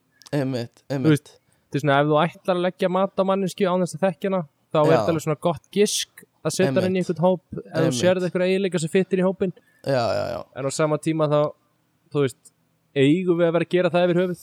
Mhm. eigum við einhvern tíma að þurfa að segja já, þessi er svona, svona, svona án þess að Mhm. vita? Einmitt. Uh, það er hérna lýsing á hvað stereotyp er. Það er uh, a widely held simplified essenti- essentialist belief without a, a about a specific group. Uh, groups are often stereotyped on the basis of sex, gender identity, race, ethnicity uh, nationality, age og svo socioeconomic status, language og svo eitthvað fleira. Uh, Já, þannig að þú veist, þetta er ofta á einhverjum svona stóran, stóran hóp sem er kannski, og, og oftar en ekki eitthvað sem þú ræður ekki eða stjórnar ekki sjálfur, skilur um, sem er svona, ok það er, það, það getur verið mjög meðandi og það eru til, þú veist, slæmar innan gæðslappa stereotypur og svo eitthvað neginn svona góðar stereotypur innan gæðslappa þú veist, allir frá Svíþjóð eru fallegir, eða eitthvað svo leiðis um, mm. og er, er, er það eitthvað skárra? Er það eitthvað betra? Eða þú veist, eigum við bara að reyna að losa okkur við þetta allt? Um, ég held að sé ekki betra. Nei, þetta er kannski mjög, mjög ófögur manneskja frá Svíþjóð og því Mhm. líður verð með það því að þú átt að vera einmitt, svona eins og, já, svona eins og þjóðveri sem getur ekki drukkið bjór. Já, já, því þjóð, allir þjóðverðar eiga að fíla bjór og drekka rosa mikið. Já. Mhm. Æ, sorry, þú veist, ég veit það ekki maður. Mér finnst að það er sannsatt að allir þjóður að drekka bjór veist, það er bara Ok, við þurfum líka að treysta gögnunum okkar, ok? Eins og, þú veist, Mhm, við verðum til þess að fá einhverja niðurstöður þá þurfum við að nota gögn, skilju mhm, og það er alltaf frávik á gögnunum okkar en þau segja okkur samt niðurstöður. Þau gefa okkur niðurstöður. Einmitt. Og alveg eins og þetta, þú veist flestir þjóðverðar drekka bjór út af því að mestur bjór í heiminum er framleitur í Þýskalandi, skilju já, og þá megum við alveg gera ráð fyrir því finnst mér, Er það fakta? Já það er fætt finnst það mér það, eftir allan í. Að ég hitti þjóður um daginn sem drakk ekki bjór. Já, greið hann. Ég hitt hann í skíðaferð og ég bara býtu Nei, já, hann nú var verður líka að ljúga mér. rekin á landi og er ekki í Þískalandi leikur uh, Já, reyndar. en, en hérna en já, þá þarf það að vera byggt á gögnum, skilju þá þarf það að vera byggt á Mhm, einhverju en ekki bara mhm. eitthvað svona Er það? Já, en ekki bara eitthvað svona allar stelpur frá selfhversu skinkur, skilju. Það er ekkert byggt á reynum gögnum, það er ekkert búið að rannsaka þetta, þetta er bara eitthvað einhver sem þekkti nokkri stelpur á selfhversu og gerði sér fyrir því, Einmitt. Og þá er, er svo, svo styrjautyp að komin. algjörlega og það þetta er er góð líka- punktur þú veist, þegar þú ert komið með gögnin skilur er þetta þá er þá komið skilur Já, ég er sammála. Jú, Nei. treystum gögnunum okkar. Treystum gögnunum Nei. Það er stereotyp að koma það þar, skilur, eins og Júlía var að segja einhver skinkur frá Selfossi eða einhver svona einhver svona uh, töffara frá Keflavík eða eitthvað svona að einhvern veginn þú veist, það byrjar þannig að það er bara eitthvað svona einhver reynsla fólki og svo eitthvað svona uh, þú veist e já, bara ekki endilega eitthvað sem er þú veist, 100% rétt en hljóma rétt og eitthvað svona og svo veltur það upp á sig og er allt í hennu komið út í það að allir að einhverjum, þú veist, sem eru frá einhverju landi kunni ekki að keira, eða eitthvað skilur sem er, þú veist ég veit ekki. Um, bara getur orðið Þú veist, svolítið ef það væri ef það væri fakt að allir frá Kína kunni ekki að keira já, og e, e, ok, hvernig á ég að segja það ég veit það ekki. Lenda í fleiri Geir. bílslissum frá einhverju landi. Við þurfum ekki endilega að nefna eitthvað land. Uh, ok, ef, ef, ef að það er bara literally statistically, statistically right skilur já, að þá skilja alveg að það væri að því þú ert ekki að sko discriminata byrja ok, sko mm, að því að það er discriminating ef þú ert að discriminata hópa ef þú myndir til dæmis láta fólk frá einhverju landi borga higher insurance það er discrimination. Mm. já, beti, það er samt sko, já. Já, er já. aðeins að tala Það er nákvæmlega það það, að tala þetta, er, þetta er alveg gott, þetta er góð punktar af því, þú veist, við notum líka profiling í, þú veist, eins og að í sakamálum og eitthvað svona já. og, Mhm. og ef það er byggt á, þú veist, fólk er ofta á móti profiling, skilur við, af því það er Mhm. það er oft gegn einhverjum, einhverjum þjóðfélagshópum sérstaklega og eitthvað svona uh, en þú veist, allt í hennu ef við byggjum á gögnum og það er samt þannig, skilur við, eigum við samt að hætta að nota profiling uh, og profiling Já, ég sammála Nei, ég við erum að hætta að nota profiling Mhm. Ég ángríns, við erum að nota thing sem heitir little data en ekki big data á, Það sem við erum að frekar sem var að taka hópana og greina þá og þá þurfum við að taka Mhm. manneskina skilur Mhm. og það er það sem er að breytast núna í insurance svona Mhm. heiminum er Einmitt. þú veist að fólk er að setja literally bara að mæla inn í hvern og einn bíl í Já. fyrir að láta láta strákana borga miklu herri insurance heldur en stelpunar Einmitt og þetta, sko, an, sko eins og með, þetta, gogni geta nefnilega líka blekt svolítið, af því eins og fyrir uh, til dæmis bara fólk sem er dögt á hörund í bandaríkjunum, skilur það er, Já. glæpatíðin þar er miklu herri, en þú veist er það af því í fyrsta lagi samfélagsleg svona, hérna pre, þú veist, þau verða fyrir svona samfélagslegum fordómum skilur að miklu leiti og lögregla, þú veist, er miklu aggressífari við fólk sem er svart og svona, skilur þannig að þar eru gögnin ekki endilega endurspegla það sem er rétt í samfélaginu heldur er, þú veist uh, En þess vegna þurfum við að nota svona algoritma eða þess vegna þurfum við að taka inn allar breytunar sem að eru, þú veist, Mm. ok, hvaðan er þessi mannskja, hvað upp, hvernig, hvernig þú veist, var hún alin upp, í hvaða Mhm. skóla var hún, skilur Mhm. ef þetta voru ótrúlega fátætt samfélag ég veit ekki, Mhm. það þarf að taka það allt inn í, enn í reikningin þegar það er í Mhm. svona, mm svona profiling dæmi algjörlega Hvernig ættum við að gera það? Hvernig, hvernig ætlum við að gera það? já Hvernig uh, ætlum við að mæla þessu hluti? þú veist, það er mjög erfitt að segja. Og þú veist uh, eins og með bara, ég veit ekki, tökum bara eitthvað dæmi bara, já, bara sama, þú veist glæpatíðni á meðal fólk sem er nei, ekki taka það, tökum allavega, segjum að sé einhver hópur sem er bara alltaf að lendi í árekstri. Og hérna og það er af því að það er einhver svona þú veist, þau fá ekki næga kennslu í því eða eitthvað svona, veit ekki, bla bla bla að keira uh, að að sá hópur er stereotypaður sem hann kann ekki að keira segjum bara að þetta sé bláægt fólk fær ekki sömu kennslu í að keira á við. Uh, þú veist uh, við gætum breytt samfélaginu þannig að þau fá jafn mikið af aukutímum og við bláægt fólk. Uh, en þú veist eins og staðin er núna þá er bláægt fólk verra að keira en við skilur þannig að stereotypan er rétt akkurat núna en það er ekki af því þau er einhvern veginn þú veist, inherently leið, eh, vond að keira þau eru bara, þú veist uh, samfélagið er að íta undir þetta og ítur þessu áfram. Þannig að þú veist ef að stereotypan er rétt þá er hún samt, þú veist, hún er rétt hún er til núna. En það er bara svo ótrúlega ósangjart gagvart Mhm. hinum sem kunna að keira mhm, mhm, þú veist, að ég veit ekki já, algjörlega. Mér, finnst ekki að við gætum búið til þess að, þú veist, já ok statistically eins og við vorum að tala um á hann þá er þetta stereotýpa og þá getum við þú veist, tala um þetta sem en ég held að Mm. getum aldrei akta á það og tekið þessa ákvörðunir að búið til lög eða eitthvað bla bla gagvart, svona hópum.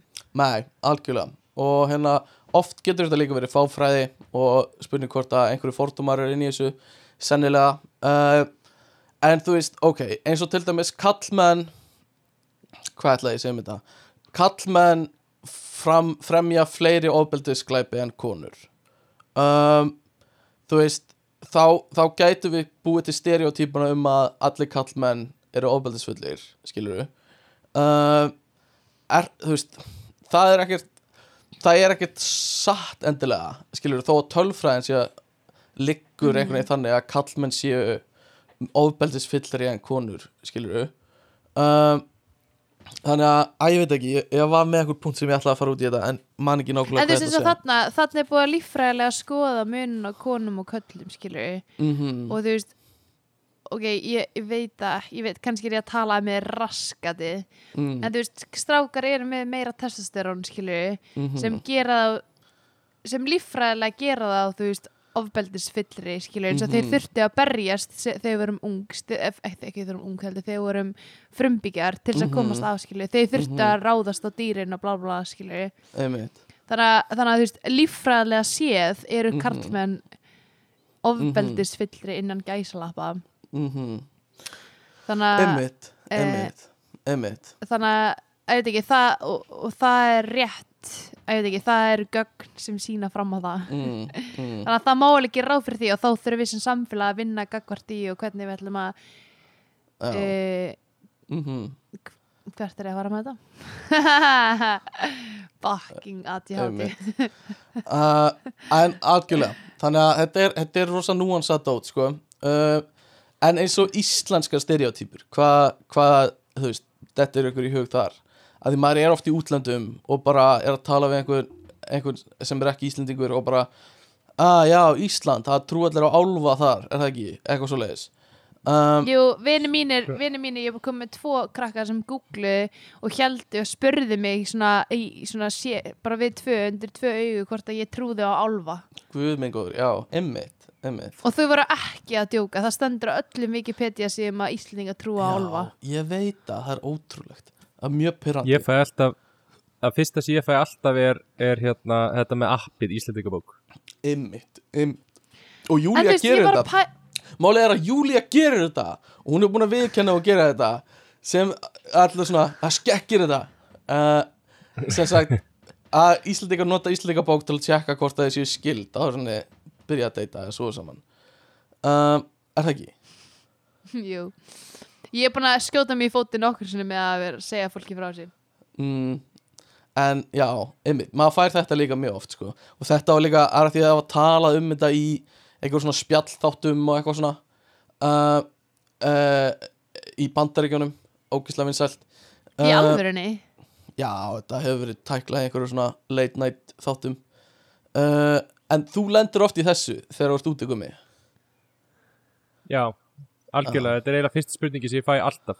Mm Svo fær maður oft svona litla móla sem ég fæ að heyra oft sem er eitthvað svona Þú veist, ef ég tjögga bjór Já, þá fæ ég svona, yeah, he's Icelandic. Já He's a. Viking. Ef það er úrslega heitt úti þá fæ ég svona Oh, the Icelandic guy is not used to the heat. Já, og já, eitthvað já. svona. Og þú veist, Já, oh my god, alltaf þegar mér er kallt þá ertu bara, ertu ekki Icelandic? Já, já, Já. já, einmitt en þú veist, ekki það er eitthvað eitthva rán skilur við Nei, mér finnst Þú veist, ég er um alveg svo- svona, ok Þetta er alveg, þú veist, Íslandingabók er alveg ránt já, En þú veist, þetta er allavega nær sannleikarum heldur en í öllum öðrum löndum Því að við erum Mhm. með tól Og ef við Mhm. byrjum í sambandi þá er alveg tímapunktur að þú tjekkar á Íslandingabók Já, Bara svona já. aðeins já, já. En, En, en þú veist, talandi um þetta þessa drikkjudót mér finnst eins og þetta sé nánast í öllum löndum það sem er eitthvað að hann er frá Þískalandi, hann hlýtur að dre hann drekku mikið, að hann er rúsneskur, þeir drekka svo mikið og eitthvað svona, mér finnst það nánast vera hægt að, þú veist, að þetta sé gert í öllum löndum sko. Uh, Nema Svíþjóð. já, nema Svíþjóð. Þau fara út að hlaupa.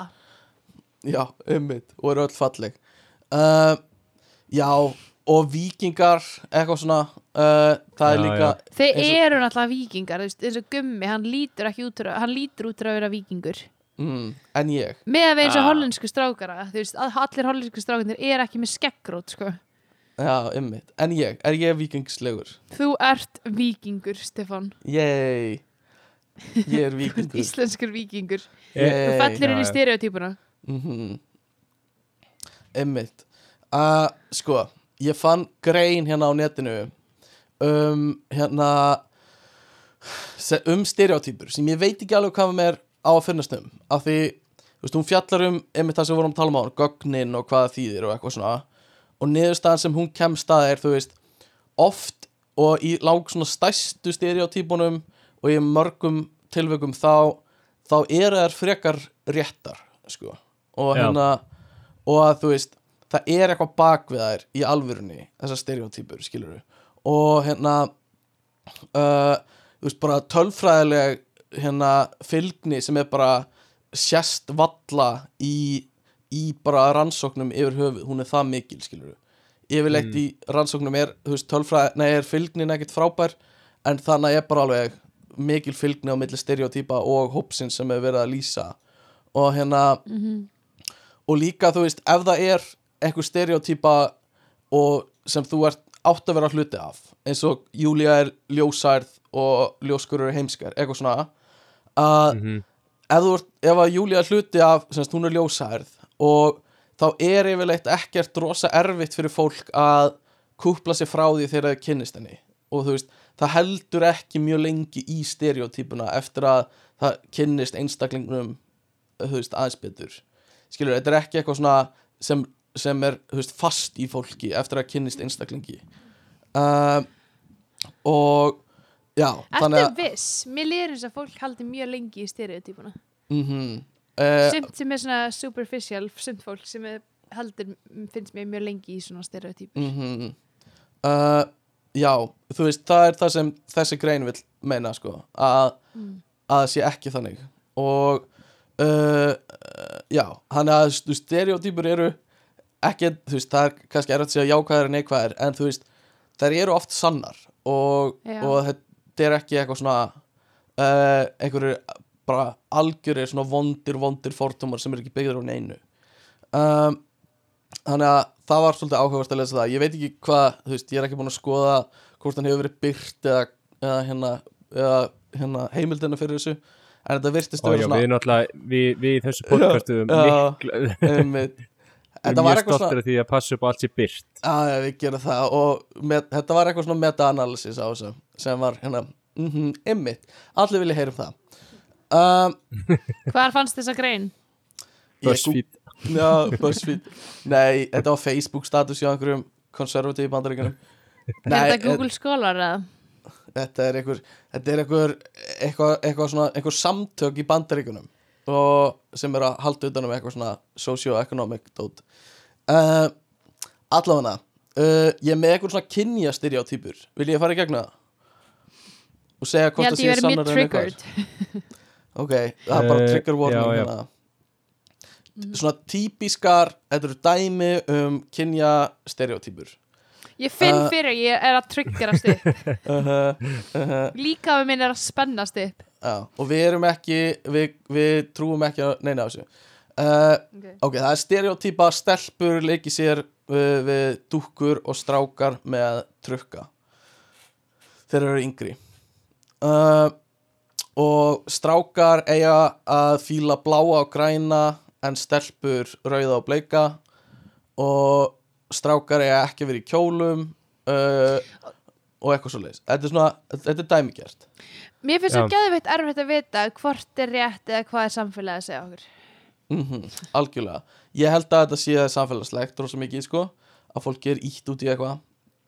Já, ég um, meina stereotypur eru samfélagslegar. Já, já, þær eru það algjörlega. Uh, ok, stelpur eru betri að lesa en strákar eru betri í starffræði í skóla. Hvernig, hvernig er svona ykkar tilfinning fyrir þessu? Hafið, upp, myndu, hafið upplifað þetta?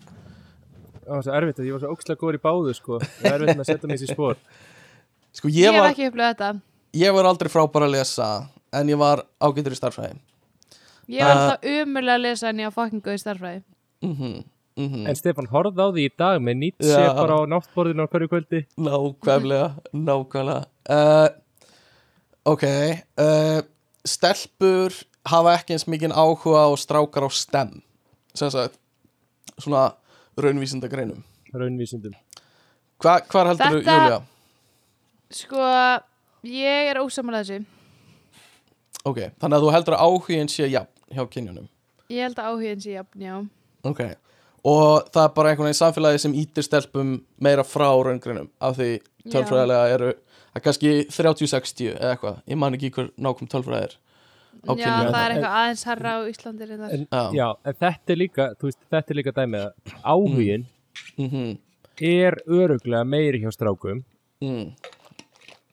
þú veist, samt út af samfélagin en Já. þú veist, samt er, er þú veist, ég ímynda mér ekki að staðin í samfélagin sé þannig að það sé svo ógíslega mikið af þú veist, stelpum sem hefur áhuga á því að læra verkfræði en fara ekki að læra verkfræði Mm veist, í það er bara svo ótrúlega mikið af stelpum sem gátt ekki einu svona ímynda sér og hugsað sér að þær gætu farið að læra starffræði verkfræði, skilur við. Mhm. en þú veist, ég held að það sé þú veist, þá þú veist, þær hafa ekki áhuga á því út af því að samfélagið í raun og veru beindum í þá átt að þurfi ekki eins og hugsa út í það Ég er ósamála, ég held að það hafi áhuga á því en það hafi ekki sjálfströsti að fara í þessar greinar.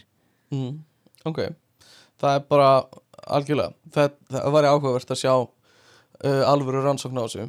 Um, Strákar og kallmenn uh, það búist við að þeim að þeir noti ofbeldi og aggressjón til þess að sína hvað þeir eru kallmannlegir um, Alveg smá sko, held ég uh, svona samfélagslega. Um, og þú veist þá oft Já. meðal þú veist, stráka þú veist, ekki endilega meðal fullorðina heldur svona jafnaldra og kannski næstu bekkir fyrir ofan eru svona, þú veist hvað ætlar ekki að lemja hann? Eða ætlar ekki að, þú veist, hvað, eitthvað svona uh, komið Mm. slag, eða eitthvað þannig. Þú veist, að það er einhvern veginn svona kynnslóðunar einhvern veginn svona að bera þetta niður alltaf, eða var svolítið þannig þegar ég var í skóla, sko. Þú veist uh, En þetta oft- er sann samfélagslegt. Já, já, algjörlega. Uh, Eða, eins og þú varst að segja með testosterónið Skilur, er þetta líka eitthvað líkamlegt sem kemur inn í þetta að einhverju leiti um, Ég held að það sé bæði. Það gæti verið uh, Stelpur eiga að vera hérna uh, fallegar og uh, líta vel út í augum kallmanna Hvernig upplifur þetta? Finnst þú hafa upplifað mikið svona í genið tíðina? Uh, mér finnst ég hafa upplifað það að ef þú ert falleg þá kemstu lengra Ok ég, stráka. Já, meðal stráka. Ég hef, Já. mér finnst það líka bara kallmenn ef þeir eru fallegir og líta vel út þá þú veist, þeir líti betur á þá. Um, Ég svona hef upplifað það. Uh, og ok, og svo erum við komin í sko meira fullorðin stöf hérna. Uh, þannig að trigger warning aftur. Uh, Fórnalömb hérna heimilsofbeldis eru oft weak af því þau halda áfram að vera í sambandinu eftir að hafa verið beitt ábeldi Nei, Það veitir Já. hvað mennur weak? Uh, bara veik geðja, veik lind. Að þú veist, fara ekki bara og yfirgefa makan og Nei. hérna eitthvað svoleiðis. Nei, ég er 100% sammála því og hérna, Ok, sérst, fólk sem yfirgefur ekki ofbeldi sambönd að þau séu veik þú veist, e já. já. ekki sick heldur svona weak og hérna, Byrju, þú sagðir þú ert 100% sammála því. Já, þegar þú sagði nei. 100% sammála ég mínu var nei. 100% sammála já, ég var að segja það, Já, þetta hljómaði mjög ég ég var 100% sammála þér sko. uh, uh, það er eitthvað að konum sem vil ekki börn. Er líka Nei, Nei, einmitt. Er þetta Uh. í alvörunni Er þetta í- er þetta í alvörunni á listanum? Það er eitthvað að konum sem já, er já, ekki já, já, þetta er á listanum. Uh, sérst, ákveðnar konur eru ó hérna kvenlegar og eru hérna uh, bossy og bitches og whores. Stendur hérna. Um, hvernig er þín upplifun af því, Júlia? Við erum að segja aftur Heyri Sérst- bara bitches and horse oh, sorry. Bitches and whores. Uh, ákveðnar konur eða assertive Já. women uh, eru litnar sem ó, svona ókvenlegar og þær eru bossy og þær eru bitches og þær eru er- whores. Ógeðslega úsamála Þetta En er þú veist- samfélagslegt. Já, já, en þú veist held, En þú hefur veist, þær sem eru bosses eru fucking hot og ekki Mhm. bitches. Einmitt, algjörlega. Uh, en heldur þetta sé, þú veist heldur þetta sé við, er þetta í gangi í samfélaginu, skilur við Ég held að allt sem þú varst að segja sé í gangi í samfélaginu, já. Já, já, En við þurfum að reyna að brjóta það niður. einmitt, einmitt. Ég held að þetta sé algjörlega, þú veist, ég held að það sé miklu líklega að einhver sem stendur fast á skoðunum sínum og svona lætur hafa mikið fyrir sér og Mhm. þú veist, hvort það er kallið að kona held ég að sé alveg gjör ólíkt og ég held að það sé bara, Já, ég held að sé, er... ég held að sé bara, Mm þú veist, ég held að sé ekkert eins og Ísland er svona framalega að Mhm. mörguleiti, Mhm. þá held ég bara, veist, það sé bara svona, þetta er ennþá bara í löndunum sem er komið lengst í þessum hugsunahætti, þetta sé ennþá mjög stórt vandamál. já, já Já, veist, 100%. þetta, þetta á sér stað í okkar samfélagi eins og þetta er núna. Einmitt, En, en. Algjörlega og, og eitt í viðbót uh, uh, hérna í gagginhegðum sambandum þá á, vú, þá, vá, þá á woman, þá á konan að taka tíma og sjá um börnin og, og uh, gamla fólki, svona, svona fóreldrana og kallinn minna og vinna meira Sko, það Alveg sem- 100% sko. ok, nei, ok, ég veit ekki um mér að djóka en það sem mér finnst þetta alveg áhugavert er þú veist að það er líka búið að sína fram á að konur eru miklu meira caring mm. og eru miklu til tilfinninganæmari og Mhm. hafa meiri þólimaði til dæmis fyrir gömlu fólki og eru, þú veist það er ást ok, ég, ég held að það sé ok, hvert er ég að fara ég held að sé eitthvað ég held að sé eitthvað líffræðilegt við það okkur karlar veljast í það að vera í svona hard working líkamleiri vinnu og konur fara út í það að vera meira caring og, mm. og, og sjá um gamalt fólk já, mhm, um einmitt Ég ég, ég held að það sé eitthvað Mhm. uh, en en og, og, og það er það sem er svo erfitt við það sem við erum að tala um stereotýpur að þá erum við búin að sko gefa hinum sem eru ekki fallið neða þessar stereotýpur engan sén sko. Mhm, einmitt. Já uh, algjörlega sko. Og, og þetta er aftur svona er kannski líkamlegt og, hvað er uh, eða líffræðilegt og hvað er samfélagslegt sko.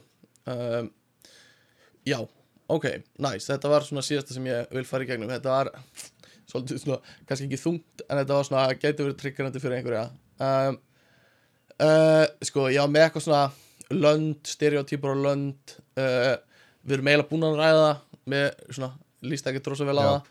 Um, þannig að, að hérna við höldum bara áfram.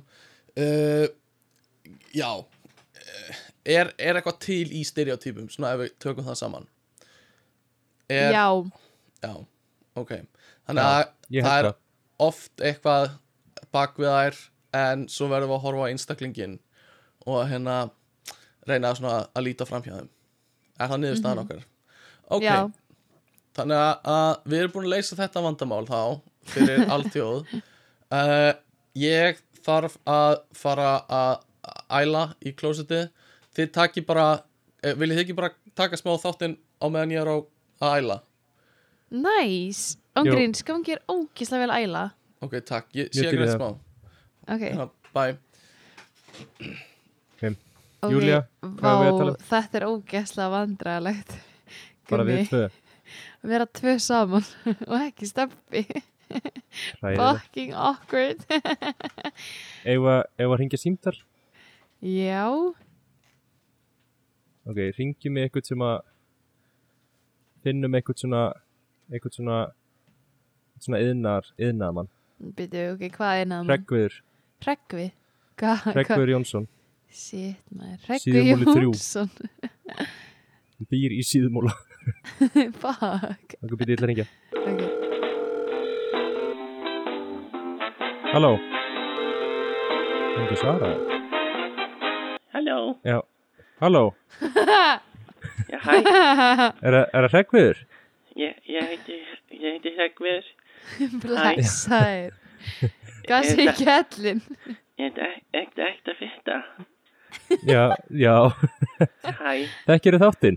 Þekkir rattirnar ég, ég þekki, ég þekki aðeins ykkar, það er takk ég að hingja í mig, hérna, Já, þú, þú sendir okkur Þú sendir okkur hérna post. Ég sendi post og ég, hérna, ég vinn á skipi, ég, ég, ég, ég, ég stýri Já. maður á skipi, Þú stýrir maður, já. Bara ég, ég stýri maður, ha, Já, og hérna, já, e, og ég, allir, allir rosa svona kallmenn í kringum mig, sko. já. En ég er bara, ég er bara rosa gaman að kósi. Cozy, Já, ég Hva, er bara, hvernig Hvað er, cozy? hvað er kósi, Rekkur? Ég, ég, ég er rosa gaman að nagla lakka og, og ég fæ stundum að nagla lakka hann kjartan sem vinnur í eldhúsinu á skipinu. Mhm, og mér finnst, en allir, allir hinn strákanir eru rosa svona kall, kallmenn. En, En ekki kjartan Nei, kjartan leiður mér stundum að nakla lakka hann er sofandi. En, en hann veit, le, Hann- Leifir hann þér að naglalakka Byrju, hvað sagður? Þegar hann er sofandi? ja, kjartan er sofandi. Þá fer ég stundum að- nakla lakkan og segir, Og hann leifir það ég, hann ég spyr kjartan, má ég nakla lakka í smá papínu? og hann segir yfirleitt, hann, hann, hann segir yfirleitt ekki neitt, þannig að ég segir bara, kjartan mér langar svo að nakla lakka í, og svo, svo fer ég, og við förum í, svo fer ég allt í kósi og, og hérna horfi Má á ég spyrja einu? Mhm. Veit kjartan að þú hafi naglakkaðan? eh, Veit hann að þetta sé þú? kjartan er farin að vita það.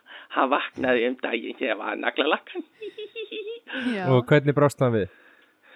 Hann sagði, hvað er þetta að gera hérna? Hvað er þetta að gera hí, og ég hljóp snót, Já. Og hló hann líka eða Já, hann var, hann var, hann var rosa pyrraður út í, út í mig. Hann sagði, aldrei gera svona aftur hreggmiður. En, Já. en, Þannig að hann er kannski, hann leifir ekki hann leifir ekki að naglalakka sig Nei, ég, þegar hann er sofandi, þá, þá má ég. Af því- Já, þá, já en, En, en þú talaði um að vera cozy mér finnst svo Hvað- gott að mér finnst gott að því allir stákanir er alltaf að er alltaf í hérna er alltaf í skotbolta en mér finnst ekki gaman í skotbolta í skipinu. Þannig að ég En þeir eru í skotbolta bara á skipinu eða? Þeir eru alltaf á dekki að, að henda fiskum í annan. Og mér finnst það ekki mér finnst það ekki gaman. Nei, ég skilði mjög vel, En Rekkur. ég- þannig að ég fer í kósi og horfi á á, á En hvað hva meinar þú segir þú ferði í cozy? Ég, ég fer í kósi, ég er með sérstakt kósi herbyggi sem ég kalla að fara í kósi og ég er búin að, búin að setja upp alla myndir af öllum uppáhalds Love Islandunum mínum og, og já, ég, ertu með einhver nöfn eða? ég bara Daniel er uppáhaldið mitt og Daniel Daniel, hvað? Segðu mér frá Daniel. Daniel, eh, hann var svo, hann var svo ákveðin og ég Daniel, ég hringdi eins og Daniel. Hann, Já. hann, ég fekk símanúmer hans frá, frá, frá vini mínum og hann, hann sagði, what are you ringing in me for? Og ég sagði, Daniel, ég horfi alltaf á þig, Daniel. Sæður á íslensku Ég segi, ég segi, Daniel, I, I alltaf watch you. segi Daniel, Já. og hann segi, hann segi, what, uh, uh, don't call me anymore, og ég segi, don't call me anymore, og hann- ég segi, Daniel, ég, ég, ég veit hvað á heima. Já, Dan, I know what you heima, hey, og, og ég, ég, svona, ég fór að horfa á hann í kósi, og, og Já. ég fer upp í undir í cozy þú, þú horf, sem sagt, þá ert inn í cozy herbygginu ég er inn í kósi og ég er inn í kósi Já. og ég segi og ég segi kveikja á sjónvarpinu og þá horfi ég alltaf á alla lof alla uppáhalds ást svona uppáhalds ástarþættina mína Já, og, já, og Rekkur, ég var mjög tilbúin að koma með þér í kósi. já, Myndir þú bjóða mér í kósi? ég skal bjóða ykkur saman í kósi og kannski, kannski fæ ég naglalakki ykkur Já. En ég er bara að segja, ég er bara að segja að stundum þá er, er, vil ég ekki vera uh, sjómaður sem er, stundum vil ég vinna á naglalakstofu. Og, nagla, og, já. og stundum þarf maður ekki að vera kallmaður ef maður vera ógislega kartmælegur ef maður En- en er ég er svo ána með þig að brjóta þessa staðalímynd áfram þú En, uh, já, haltu áfram að nagla lakka fólk já, en af hverju vinnur ekki bara á Nei. naglakastofu? Æ, pappi minn, pappi minn segir við mig, Hegviður, nú fæst þú á sjóin og ég hendi öllu naglalakkinu einu. Og ég segi, pappi, pappi, pappi minn, nei, ekki gera það, pappi minn, segi ég. Og hann segir, jú, fæði af sjóin og verður skipstjóri. Og, og hann bara skilur ekki að ég vilji bara naglalakka. Já, Og- en þú ert stýrimaður samt, eða ekki? ég stýri maður á sjóin og fer Já. oft í og, og hafa kósi. Er pappiðin óanæði með að þú sért stýrimaður en ekki skipstjóri? Pappi segir alltaf við mig, ef þú væri ekki að naglalakka, þá væri þú hóðin skipstjóri. Og ég segi Þannig að hann veit þú ert að naglaka. hann, hann veit það alltaf. Og hann, segir bara, ég vil ekki sjá þetta naglalakk. Og hann von- vondur og segir, þú fer aldrei aftur í kósi. Og ég segi, Nó, Ég segi, pabbi minn, pabbi minn, ég vil bara kósi, pabbi minn. Þú hefur, ég er, ég vil, ég er alltaf að nagla lakka kjartan, segi ég. Og hann er, hann, hann, hann, hann, er rosa flottur, ég er búin að þessu, pabbi minn. Og pabbi segir það, vondur, hann segir bara vondur. Ekkert meira. Já, við þig, Ég, hann segir bara bara vondur. vondur. Já. Segir alltaf bara vondur. Já, Ég segi, á, ok, pabbi minn, segi ég. Ok, þannig að ég þarf að vinna á sjónum og, og bara vinna á sjónum. já, og þú ert, já. En e, væru, e, sem sagt, fyrir utan pappaðinn, hvað er, heldur að þú myndir annars fara og opna þér einn stofu eða, Vá, það var, hefur þau trú á mér. uh, já, ekki, jú, jú. Ég hef mjög mikla trúið Hreggvir Takk fyrir Þú, það. ég myndi leifa þér að gera negluna mínar Hver, hver, hver uppáhalds leitur þinn? Ég, svona fjólublár og allt kósi er fjólublátt. Ó, gussi, mussi, gussi, Hreggvir Og ég þarf að fara, ég þarf bara, ég er búin að mála allt fjólublátt og kjartan er alltaf með fjólubláa neglu eftir mig. Ó, gussi Þannig að ég, ég þarf að fara að segja við kjartan þetta núna að ég ætla að nætla lakkan í nót. Já, Já. settu á hann nokkra svona shades of purple Gerðu Já, svo regnboð og purple Ég ætla að taka hendina og ég ætla Já. að dýfa henni onni fjólubláu málinguna, slippmálinguna eins og ég ger alltaf. Já, Og já slippmálinguna þannig að ég setja í svona stóra föttu og ég stýfi Já. puttunum að svo. Herðu, ég tek tilbaka Ég tek allt tilbaka sem ég saði Þú skal halda við skipið Ég ætla, ég ætla svo að fara að koma til ykkar og dýfa ykkur í málingu. Hvað er þetta híka, væsni hí? Herðu, blessaður Reykjavíður, ég fæ að heyra þið setna Takk fyrir að hingja. Fara að dýfa buttunum í Takk fyrir að hingja mig. Hí. Skilaði hvað til kjartans Í kjartan er sofandi. Ok, bye. Góða nótt. Jæja, Djúvill er þessi gæði skrítin með þér þetta var eitthvað. Hann er eitthvað annar ruggleður kominn tilbaka? Slip að dip, Dipper hvað segir, þið? hvernig gekk? Við vorum að tala Við vorum að tala Já, Þú mistar ro Þú mistar rosalegum gæja já, það er hann svona kallmaður á sjónu. En hann var, semst, hann var semst að brjóta staðlýmdir af körlum að sjónum Já, ég skil. Ok, en gaman. Það er Fucking mikilvægt. tough gæi Já, Fucking tough gæi Svolítið óþægilegur. Svolítið óþægilegur það- já, en hann brýtur staðlímyndir, það skiptur öllu.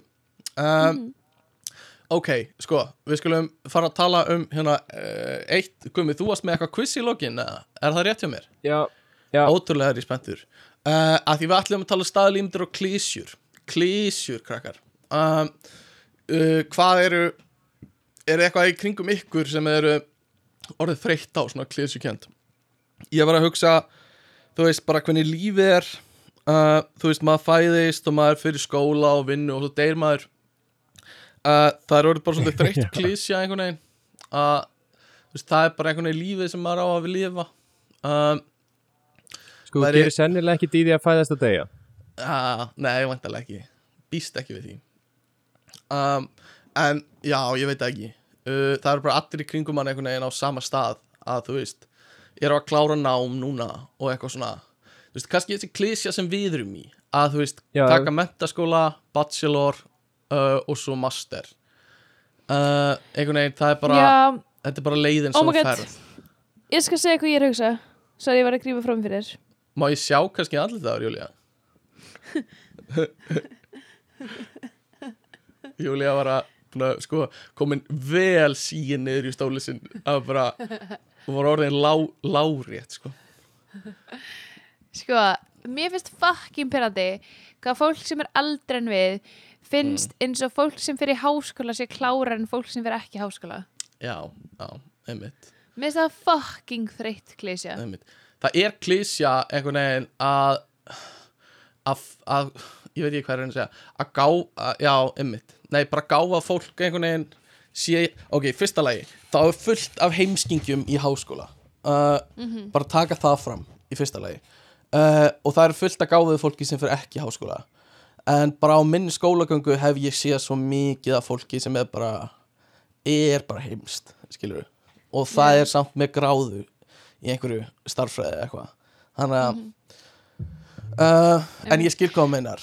En, en Einmitt. líka bara eitthvað svona eins og þú veist Æ, eins og þegar maður er að sækja um vinnur hjá til dæmis þessu Evropasambandinu já, þá verður maður að vera með masterskráði það er bara standard að maður kemst ekki eins og áfram í umsónaferlinu nema að maður sé masterskráði já og mér finnst það svo mikið kafta mér finnst það svo segja svo ógis að ég veit ekki mér, mm Mhm. ok, já, auðvitað þarf að búa til einhverja standarda skilur já, en mér finnst það svo erfitt. Já, ég skil þig. Og er það líka ekki verið klísja jú, jú, að, ég veit ekki. Það hefur líka verið svo mikil, ég veit ekki hvort maður myndi kalla gengisfelling, en svona einhverju leiti á háskólanámi undarfarið þú veist, það er ekki að sama það var fyrir 50 árum basically, að fara í háskóla. Um, þú veist, núna eins og maður hefur sagt áður er BS nám er basically nýja mentaskólin að einhverju leiti og hérna uh, þú veist, það er já, það er alveg þreytt sko. Uh, Gumi, þú varst með eitthvað skrifað hérna á listanum uh, uh, viltu að, Já. að ég takja það eða viltu Sko Ég var með hérna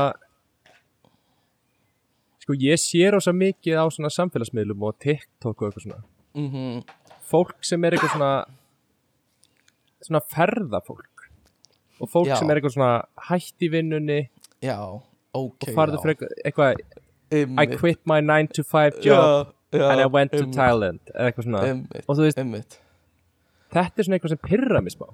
Því er eitthvað svona, ok, þú veist, já, flott þegar þú ert á ströndi á Thailand og eitthvað en þú veist, heimurinn Mhm. virkar þannig að allt kostar pening. Mm einhver staðar fjekkstu þennan pening. Einmitt. bara varstu það heppin að þú áttir hennan pening þú erðir Mhm. hennan pening eða eitthvað mm eða þá þú veist að vinna eins og brjálaðingur í, í þrjú ár til að fara í frí í eitt ár einmitt, einmitt. Þannig að þessi klísja er eitthvað sem, Já, sem ég veit svolítið penandi þetta er svona, þú veist, þetta er bara svona Mhm. gengur ekki þú veist, einhver staðar Einmitt. fæstu peningin saman þótt þú sérst að ferðast á okkur van einhver staðar í Tælandi. Og samt, þú veist, þú flögst ángað þú Mhm. keftir þú leiðir hennar van, þú veist. Mm hlutir kosta pening og eina að fá pening er að vinna fyrir þeim eða það gefins. Já, þannig skil þig. fegstu mm algjörlega, ég, og maður sér þetta út um allt þetta, þessa, þetta fólk, eitthvað svona á samfélagsmiðlum með mitt. Þetta er eitthvað svona Já. trópar að þú veist ég veit ekki hvort að fólk fær eitthvað út úr í að upplifa þetta í gegnum aðra skilur að þú veist já, þú þetta er svona draumur þú þetta er svona, Já, wow, já. ég væri til að vera þarna. Einmitt, einmitt. Og þetta fólk sem er að posta þessu fær líka út úr því að aðri sjáu það þarna þú veist, Já, fyrir þeim er í vortið bara, ég vil að aðrir öfundum einmitt, einmitt. Ég efundaði fucking mikið. Mér finnst, mér finnst líka klísja uh, svona þessi pör sem byrja saman í mentaskóla og eru ógeðslega in love einhvern veginn og svo hætta þau saman. Um, og þú veist bara um leið og mentaskólanum búin eða eitthvað. Ég man eftir Já. nokkrum svona pörum hjá okkur sem að var bara, vá, þau eru búin að vera saman sín í eitthvað, fjórðabekk eða, eitthvað svona á öðru ári mennskóla og svo bara já, já, hættu eiginlega öll pörin saman sko. Það er bara já, já. mjög yfir höfuð bara, bara þessi svona klísja að svona þykjast vera í einhverju sambandi sem er eitthvað svona, mm, svona Já. Instagram samband. Yfir algjörlega, höfuð bara svona gengur ekki. Upp. það er bara algjörlega. svona svona pörin sem voru alveg mest intense það er alveg pörin sem maður oft veit að eru ekki endilega frændast sko. já, um, er, samt, ég er svona smá svona Ég er svona bæði og sko. Ég skil hvaðan þið er að koma. Mm, En ég er samt líka þú veist Þegar maður er gett ástfangin mm, Þá er maður líka gett klísukendur Og þegar maður bara ræðir ekki við sig skilju Þá verður maður gett klísukendur já, ég skil hvað meinar. Uh, ok, a point taken. Uh, en já, ég veit ekki. Mér finnst einhvern veginn svona undir með mín er eitthvað neginn þannig samt að þú ert með ég er með eitt ákveð par í huga uh, síðan úr mentaskóla og alveg svona, ef þú ert alveg svona alltaf ástin mín, eitthvað svona Já, ég veit kletturinn minn. 100% hvað fólk eru að tala um. Já, þú veist, maður var bara já, þetta er kerti sem er að fara að eyðast upp mjög hratt. Hérna og, og talandi um svona break-up, þá er alveg klísjur í break-upi líka. Þú veist, það eru svona Já. klassíska línur. Og ég veit ekki hvort það eru bíómyndir sem eru búin að koma einhvern veginn inn í hausin á mér en eitthvað svona, það er ekki ég það er, nei, það er ekki þú, það er ég eitthvað svona þannig. Já, já og hérna þú átt og svo miklu betra skilið en mig já, þetta er svo miklu betra skilið en mig og eitthvað svona En eh, þú veist, ég er samt, ég er samt sam, ég er ekki sam, þú veist, ég held að það sé alveg valið að vera að ekki þú, er ég, sko. Já, segja já, það? jú, jú, jú en ég meina uh, það er samt klísja eða þú veist, það er samt Já. alveg eitthvað sem er sem er klísjukinn, þó það sé satt skilu, það getur verið, það getur verið mjög satt þó það sé klísja sko. en þú veist, það er samt aldrei eitthvað mjög satt skilur það er líka alveg bara svona, ok, þetta er satt alveg smá þú líka, þú veist. Já, já, já, þetta er alveg ég og mín vandamál og hvernig, þú veist hvað ég er að díla við núna ok, ok, en þetta er líka alveg smá þú þú trúið því alveg ennþá ef að þessi manneskja væri alveg fullkomin fyrir þig að Mm. þú myndir ekki Mm. bara hætta með henni eða þú veist, einmitt, einmitt. Uh, já uh, eitthvað meira klísjukend í break-upi uh, að hérna hva, að svona rétta trúlóna nei, það, ég veit ekki, það er meira svona bíómyndatróp en svona rétta trúlóna ringi tilbaka, eitthvað svona þegar, Já. þegar ok, talandi um það, reyndar skemmtilegt, uh, í break-upi á trúlófun uh, hvert fer trúlófunarringurinn? Ég myndi alltaf gefa hann tilbaka, sko. en kannski Ok. það er eitthvað svona bíómyndadæmi. En ég meina það er alveg að valið.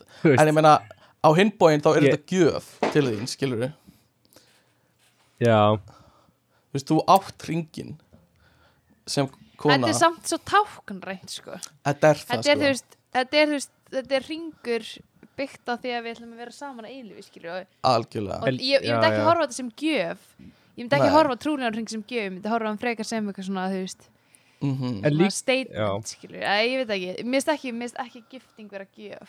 en líka bara svona mm. Þú veist, já. trúlánarhingur að þú ert svona, ok. Það eru tvö scenarió Mm manneskjan sem að fjekk hringin Já, hún á hann. Já, hún er ekki að fara að ganga með hann eftir að þið hætti saman. Nei, hún er aldrei að fara að nota hann. Já, einmitt. Þannig að þá er svona pælingin er þá ekki betra manneskja sem eittir peningum í að fáið og allavega að Mhm. selja veist. Ok, lol, ég myndi ekki skilja hann, ég myndi bara litlir selja hann sjálf og fá peningin, sko.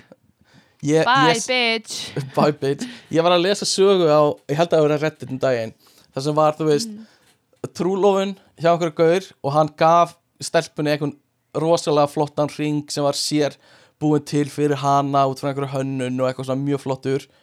Og hérna þau hættu svo saman en stelpan hélt trúlofun hringnum bara fínt, ekkert mál. Gæinn var ekkert pyrraður yfir því. En svo byrja stelpan í öðru sambandi og hérna hún ákveður að láta nýja kærasta sinn byggja hennar með gamla hringnum.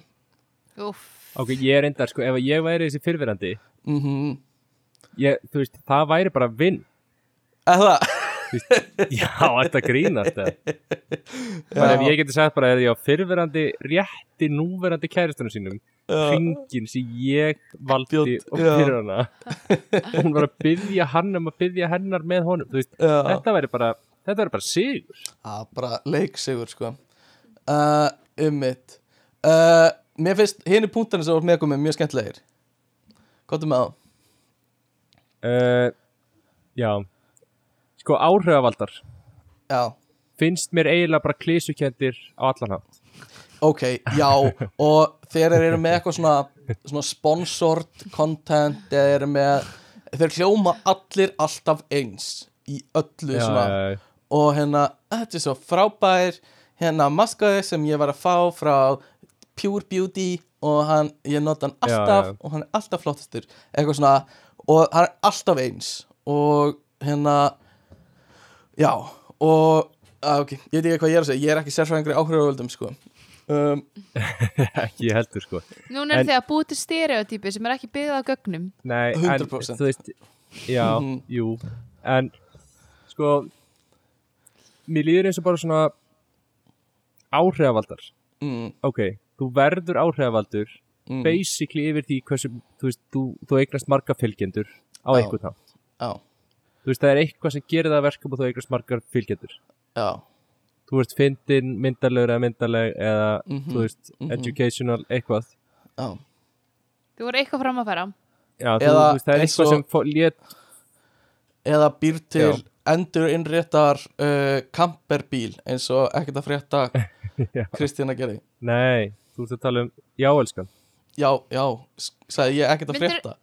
Er, er hún áhrifavaldur? óvart, uh, hún var vinsal á TikTok og það? er, já eftir, Er hún TikTok famous? já, hún er TikTok queen Shit, maður, ég þarf Ég að sá sjá hann þessi. alveg á, á hérna, For You page Það? áður en að ég hitt hana mm fucking famous En- sko Shit, maður, gegn En já, sko, punktur minn var mm, að svo þegar þú ert orðin áhrifavaldur já, þá ertu allt í einu bara orðin áhrifavaldur á- í alla staði já, Það er bara, Einmitt. þú getur posta bara ræktarútinuðinni, uh, morgunrútinuðinni, Mhm. mataræðinniðinu, hjónabandinniðinu, þú veist, þú Mhm. getur bara, þú veist, uppeldinniðinu og badninniðinu, þú ert allt í einu bara orðin einhver svona manneskja já, sem bara svona allir eiga að horfa upp til bara á öllum vikstöðum.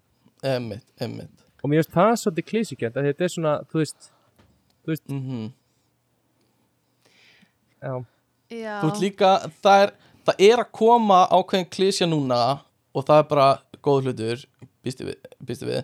En svona þessi cancel á áhrifavalda eða fólk sem er, þú veist, það er, það er komið svona fasi Já, já. sem það fyrir gegnum. Þú veist, og klísja er basically eitthvað sem gerist oft og þangur til að verða klísja, skilur en núna er Já, þetta komið á þann stað að það er komin ákveðin fasi í gegnum þetta og það fara allir í gegnum sum skrefin, skilur einhver ásökun, einhver eitthvað svona, eitthvað svona afnettun eða eitthvað og svo kemur afsökunarbeinin sem er ekki nógu góð og þú veist, þetta er eitthvað svona sem gerist alltaf hjá öllum já, já, basically, og svo kemur eitthvað return og allir eru pyrraðir yfir því að mannskja sé að koma tilbaka skilur og já, þú veist bara, það er partur að því að, að verða klísja skilur, það er ef eitthvað gerist oft.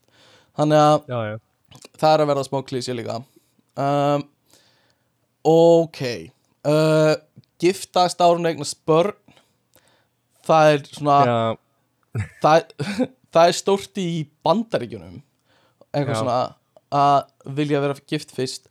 Mér finnst svolítið klísi á Íslandi að gifta sig 37 ára eða eitthvað.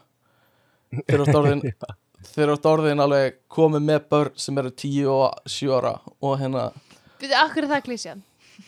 að það gera það eiginlega bara allir skilur að bara að fuck it við getum gift okkur núna eitthvað, þú veist það er minna kannski eitthvað svona við þurfum að gifta okkur ung og svo getum við fara að hugsa um eignast börn það er meira bara svona sambandi rúlar bara þannig til við verum orðin ákveðu gömul og þá ætlum við að fara að klára þetta bara. Bara einhver samsköttun En og hver, ok, mér finnst bara svo klísukent að gifta sig. Þú ætti mér langar að gifta sig En þú veist, allur Mhm. aldur fyrir mér væri bara ekki að klísukendur fyrir mig að gifta mig.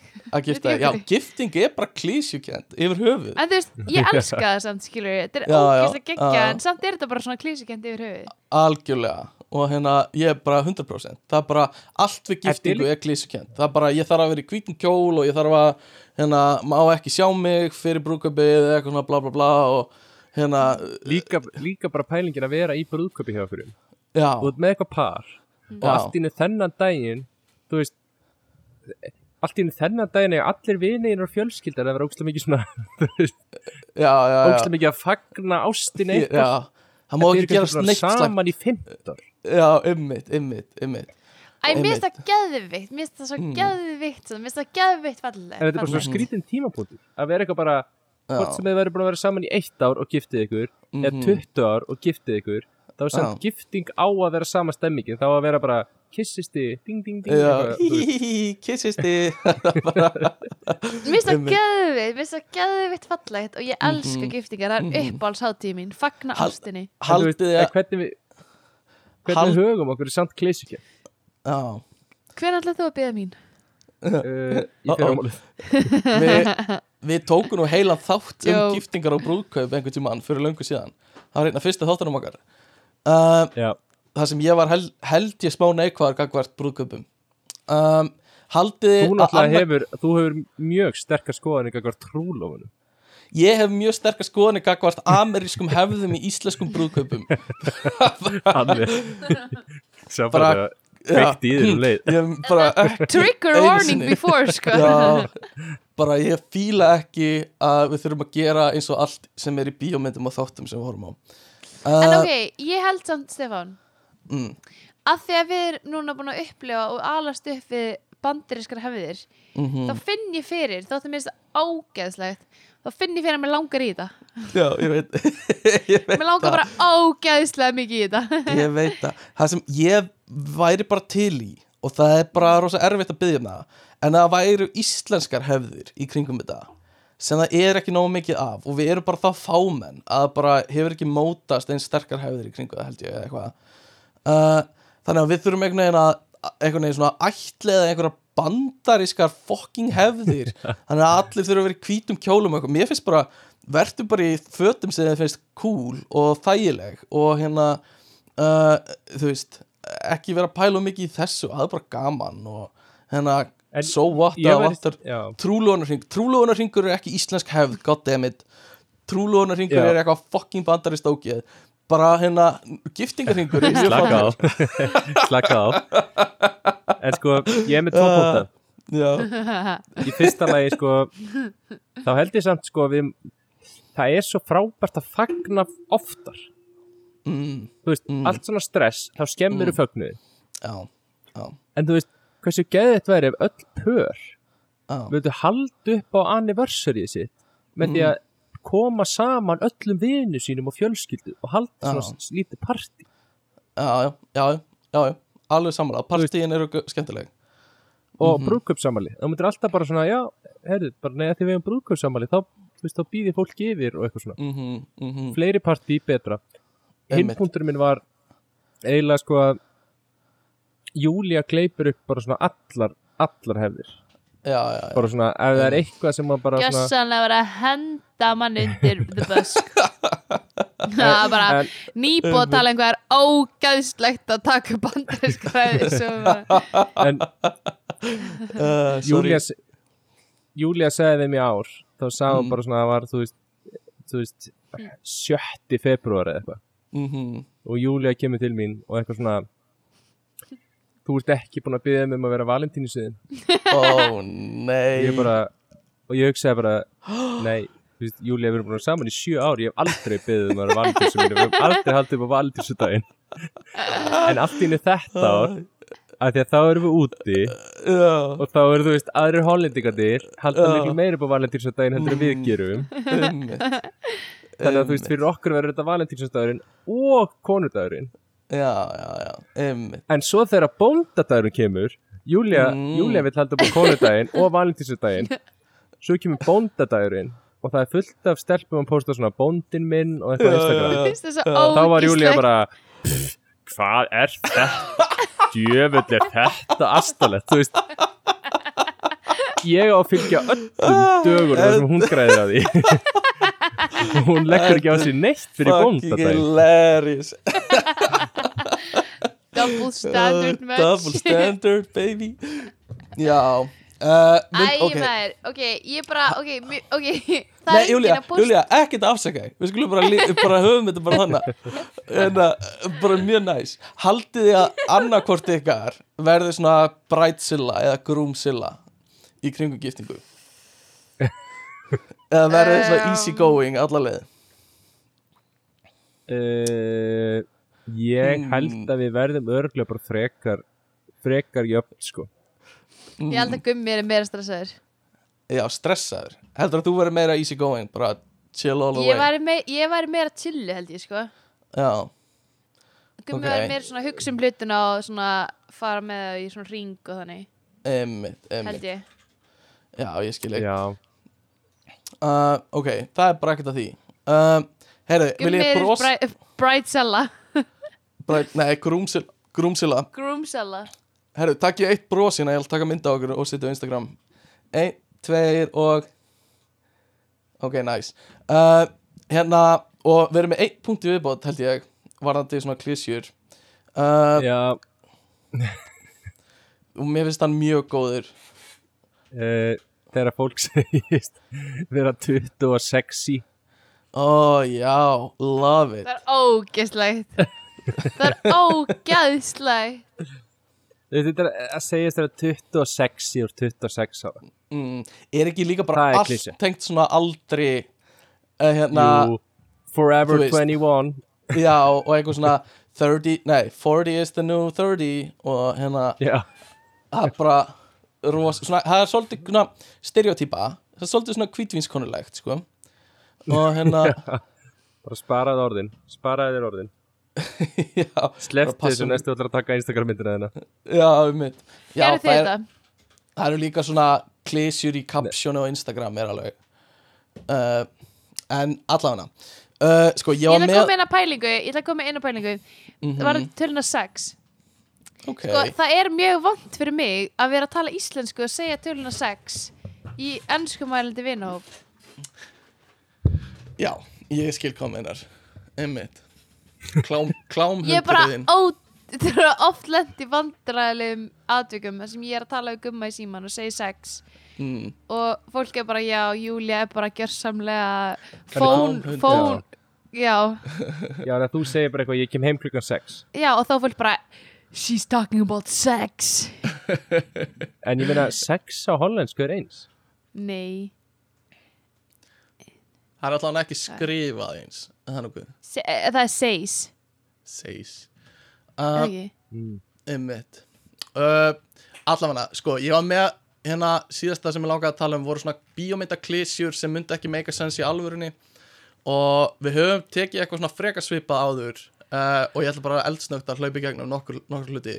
En eins og að hoppa í gegnum glugga og þú veist, aðal karakterinn brýtur glugga og heldur áfram að hlaupa og eitthvað svona. Uh, í fyrsta lagi er ekkert endalega víst að þú brýtur gluggan mögulega bara hleypur á hann uh, og Já. en ef þú brýtur hann þá verður þú svo fucking uh, skorinn bara á mörgum stöðum og fær bara glerbrót út um allt sko þannig að það er ekkert rosa svona raunverulegt er um, þetta true? ég, ég er ekki selt Er þetta ekki selv? Við prófum, prófum þetta bara Hérna uh, Svo líka í, oft í bíómyndum þá er svona einhverju með hjálm eða eitthvað eitthvað á hausnum og svo í svona mjög dramatískum atriðum í hernum eða eitthvað, það er eitthvað stríð þá tekur hann af sér hjálminn þannig að það sést í andlitið á einhverjum.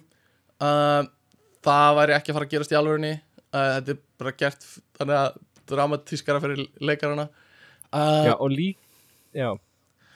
Líka í Hva- þessu scenaríu þegar að Hversu oft sér maður í bíómyndunum Að er Mm. alveg við það að drepa eitthvað já. Og Einmitt. þá byrjar hann að tala Já, er hann að segja eitthvað. stoppar að vera að tala um hvað hann ætla að gera uh, það er 100% eitthvað sko. Og hérna uh, uh, þú veist handsprengjur eru ekki þú veist eins svona ekki eins mikil sprenging og lítur út í bíómyndunum og kemur ekki eins mikil eldur og að skjóta á bíla það sprengir ekki bílana sko yfirleitt. Alvöru? Já, það er bara, það er mjög sjálfgætt Við vorum að tala Og um þetta Já, olíutunnur ymmit, þær springa ekki Það er mjög sjálfgætt og skýtur í þar um, Og ok, klísja í bíómyndum Er svona, er er svona úlinga herbyrgi hjá stelpuða strák með fullt af pósterum og einhverju svona drasli þetta er engan veginn í samræmi við þau herbyggi sem ég var í þegar ég var úlingur þú veist, það er bara eitthvað svona rosa fancy herbyggi er bara langt frá því sko. Um, bara vondlikt og skítu í sokkar er út um allt frekar sko. Uh, og já, og bara svona þú veist uh, ofta maður er í eins og að fara í Mexiko í, í bíómyndum og það er allt gullt eða eitthvað, eitthvað svona filter. Uh, það er ekki allt gullt í Mexiko og hérna, það er ekki eitthvað svona filter á þeim. Þetta er líka Uh, bara actual filter. Þú veist, þetta er bara filter ofan á Er ekki? já, já, jú, jú. Bara, og allir eru farnir að tengja automatist við það að þetta sé í Mexiko núna. Skilur, það mér bara, finnst ógæðslega að fyndi og hérst að segja þetta og því ég bara er ógæðslega tek ekki eftir þessu og ég er bara, já, það er allt gullt í Mexiko já, Breaking Bad er ógæslega gott dæmi um þetta. Já, einmitt Breaking. Bad, ógæslega gott dæmi um þetta mm Ein serían byrjar á því að þeir eru í Mexiko já, Það er bara allt guld einmitt. Að bara algjörlega. Og hérna reynda líka í, í hérna uh, eins og í endur lífgunar atriðum í bíómyndum uh, þú veist gera oft meira dramatíst en það er um, og, og ég veit að í mörgum þáttum líka þá þurfa ég að hnóða svolítið asnalega á personum að því þú veist það er bara hættulegt að hnóða alvöru skilur á Já, já, líkömum og hérna þú veist oft er ekki blási neitt og í læknisfræði þáttum eru alltaf eitthvað svona dramatík eitthvað get me 300 milligrams of serotonin stat eitthvað svona uh, Já, já, sem er mjög svona kannski bjöguð útgáfa að raunverulegum sjúkrahúsum sko. Um, þannig að mjög gaman. Við að fara í síðasta sem er quizið? Já. Ég Djöfull að taka bara er, þetta, er- þetta er mjög snögt sko. Já, Gott. Gott Ok, ég fann hérna Ég ætlaði bara að taka svona aðtökvort þið passið inn í stereotypur Ok, Ef að með nokkuð Mhm. spurningum þá sé hægt að giska á hvað stereotypa þið eru ok oh, love it Og ég ætla að gera eitthvað á sama tíma Þannig að hvað er þið gömul? 23 26 held ég djöðlega Ok. okay. ung Júlia Ok, og kynið ykkar augljóslega female uh, ég Ok. KK KK KK uh, Og hvaða lit finnur helst í fataskápniðinu? ú, svartan svart, já, Svartur, darker colors Bright colors Red, greens Mm. and yellows My school colors Neutrals, whites, browns Anything I Mhm. could find at the thrift store Eða anything Einmitt. clean uh, anything clean er það litur? Svartur Ég á mjög erfitt með þetta sko. Ég veit ekki alveg hvað ég segja, hvað veist ég ekki mig Jú, hvít sko. Hvít, þú ert er svolítið það? hvít. Já, En ég er samt annarkvört hvít eða svört. Þú ert Ég hvít, líka Já. alltaf sé svörtu. hvít. Já ég Ég- segi hvít sko. ég segi hvít Þú ert líka. meir, þú ert meira hvít en normið sko. Já, já, Hvernig tónlist hlustar á Anything with a good beat Something Mm. loud that gets my blood pumping Classical, rock metal, ska eða emo? Ég er anything with a good beat sko þegar ég er að lesa Nietzsche þá er ég svolítið klassískum og hérna uh, Hættu þessu Stefán. Nei, ég er ekki næst annars uh, beat ska er líka mjög skemmtilegt en ég veist um ég hlusti mikið á það. Uh, beat, good beat.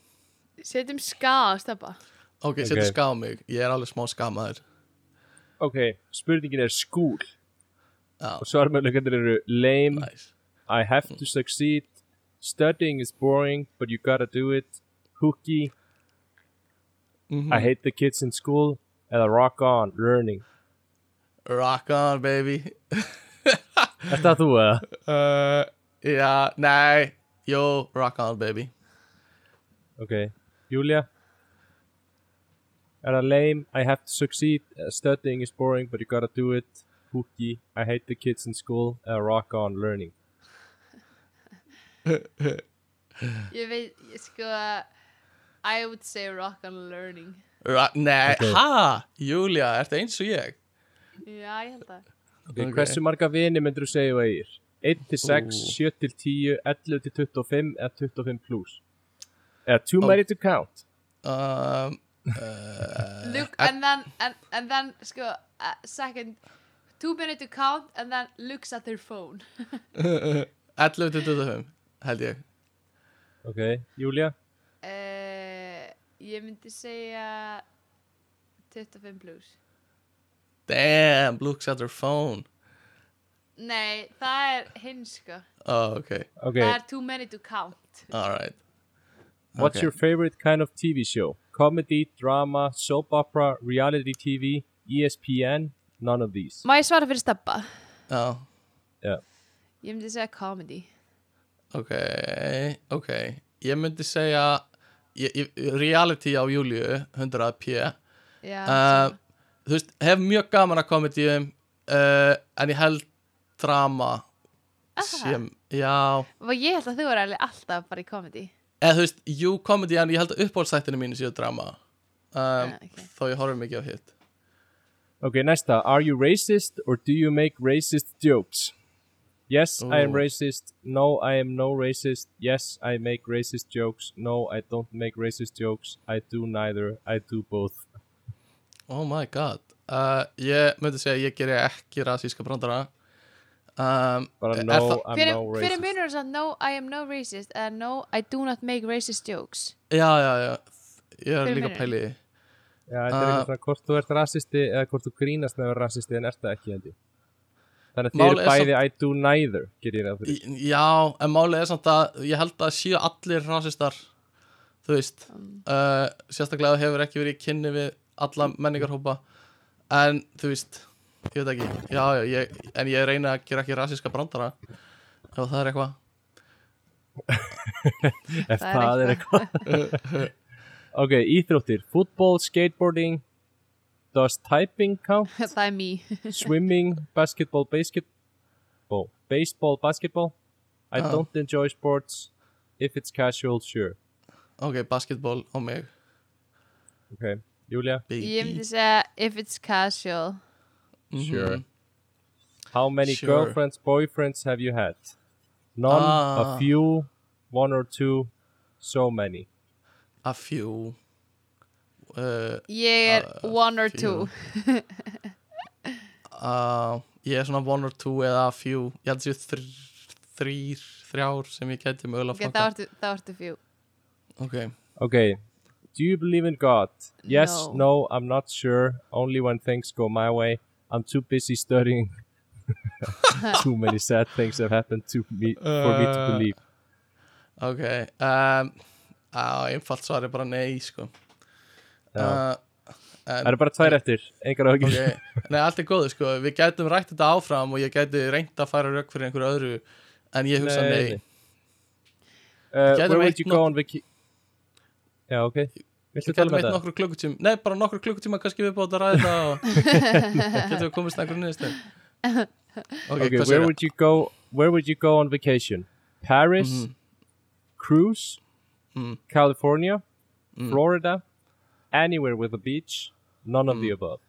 París þú veist, ef eitthvað að þessu held ég ég er ekki svona Ég- fara í hitan endilega þá svitna ég bara og er tvalur og svitninginu fyrir mín cruise Cruise, skemmt. Krús, wow Það veitu, sko veitu, Ég er svona að pæla líka því að það er líka svona gömlu konu dæmi. Nei, ég fíla, það. þetta var fyrsta, fyrsta instinkt. Segðu krús og Ég júli með nokkar ógislega mikið cruise right now. Ok, senast spurningin er uh, Do you think Do you really think these results are going to be accurate? No. Sheesh Yes Wow Agnar Ég er egnut Eggnött uh, Ég ætla að segja Ég ætla að segja nei. Og ég ætla líka að segja nei, ég var að djóka. er Hún var að grín Gumi, hún var að grínast maður, fuck. Ok, Ok. spennandi. Stefán. fyrir, fyrir, Nei, þú verður að fara í gegnum vélina fyrst. Þetta verður að fara í gegnum vélina. Gumi Gumi, þú verður að setja í gegnum Ok. vélina.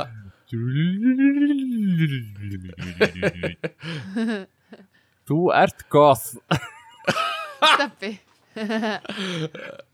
Uh, Lol. Þú ert 78% goth. Oh my god okay. 73% unclassified okay. 69% prep og Ok. 68% anarkist Það er rosalegt Ok, ok Goth, Og ok, ég get samþykkt þetta Á, Júli er unclassified oh, You like a lit you like a little taste of everything or from certain groups. You are your own person and you're not a conformist to anything. Við kallum þetta generalista. Nice. Á meðan þú ert someone who likes the darker sides of things. Já, já, bara klálega sko. Ok, mega sense. Um, Næs maður. Þetta var uh, síðasta uh, þar sem við ætlum að tala um. Uh, og í lokin ætlum við bara að segja takk fyrir að hlusta, hafið samband að ekkert að frétta gmail.com eða ekkert podcast á Instagram. Steirtalari þáttur þessi dag eru rauðvín með skrúutöppum og uh, er eitthvað sem þið viljið segja að lokum, krakkar? Ég ætla bara að þakka fyrir að fá að hafa mig með henni í dag. Verður þeirra góður Veitu, Ég ætla að þakka ykkur fyrir að hafa mig með henni í dag. Einmitt, einmitt. Ég bara þakka þér fyrir að koma. Það er alltaf gaman, við fáum alltaf mikið hrós þegar þú mætir. Uh, og fólk er alltaf að spyrja Akkur er Júlía, hver er Júlía, akkur er hún ekki með? Hérna, eitthvað svona. Og ég segi bara, hei Júlía er bara busy woman, skilur Ég fer bara hjá mér hún hérna, og bara eitthvað það er alltaf miklu skemmtilega þegar Júlía er. Það er svona að fá kvenlegt innsægi í þáttinn. Og ég segi bara, ég er alveg, ég er sammálaðir uh, en Júlía er bara busy woman og hefur mörgum nöppum að neppa skilur Já maður. Já maður. Uh, ógislega gaman að vera með ykkur og hérna Sem leiðis besti bestu, bestu mín. Bestu mínir. Við bara byggjum bara gleðilegt nýtt sumar gleðilegt sumar. Heyri, gleðilegt sumar. Kiss kiss. Kiss kiss, bye. Kiss bye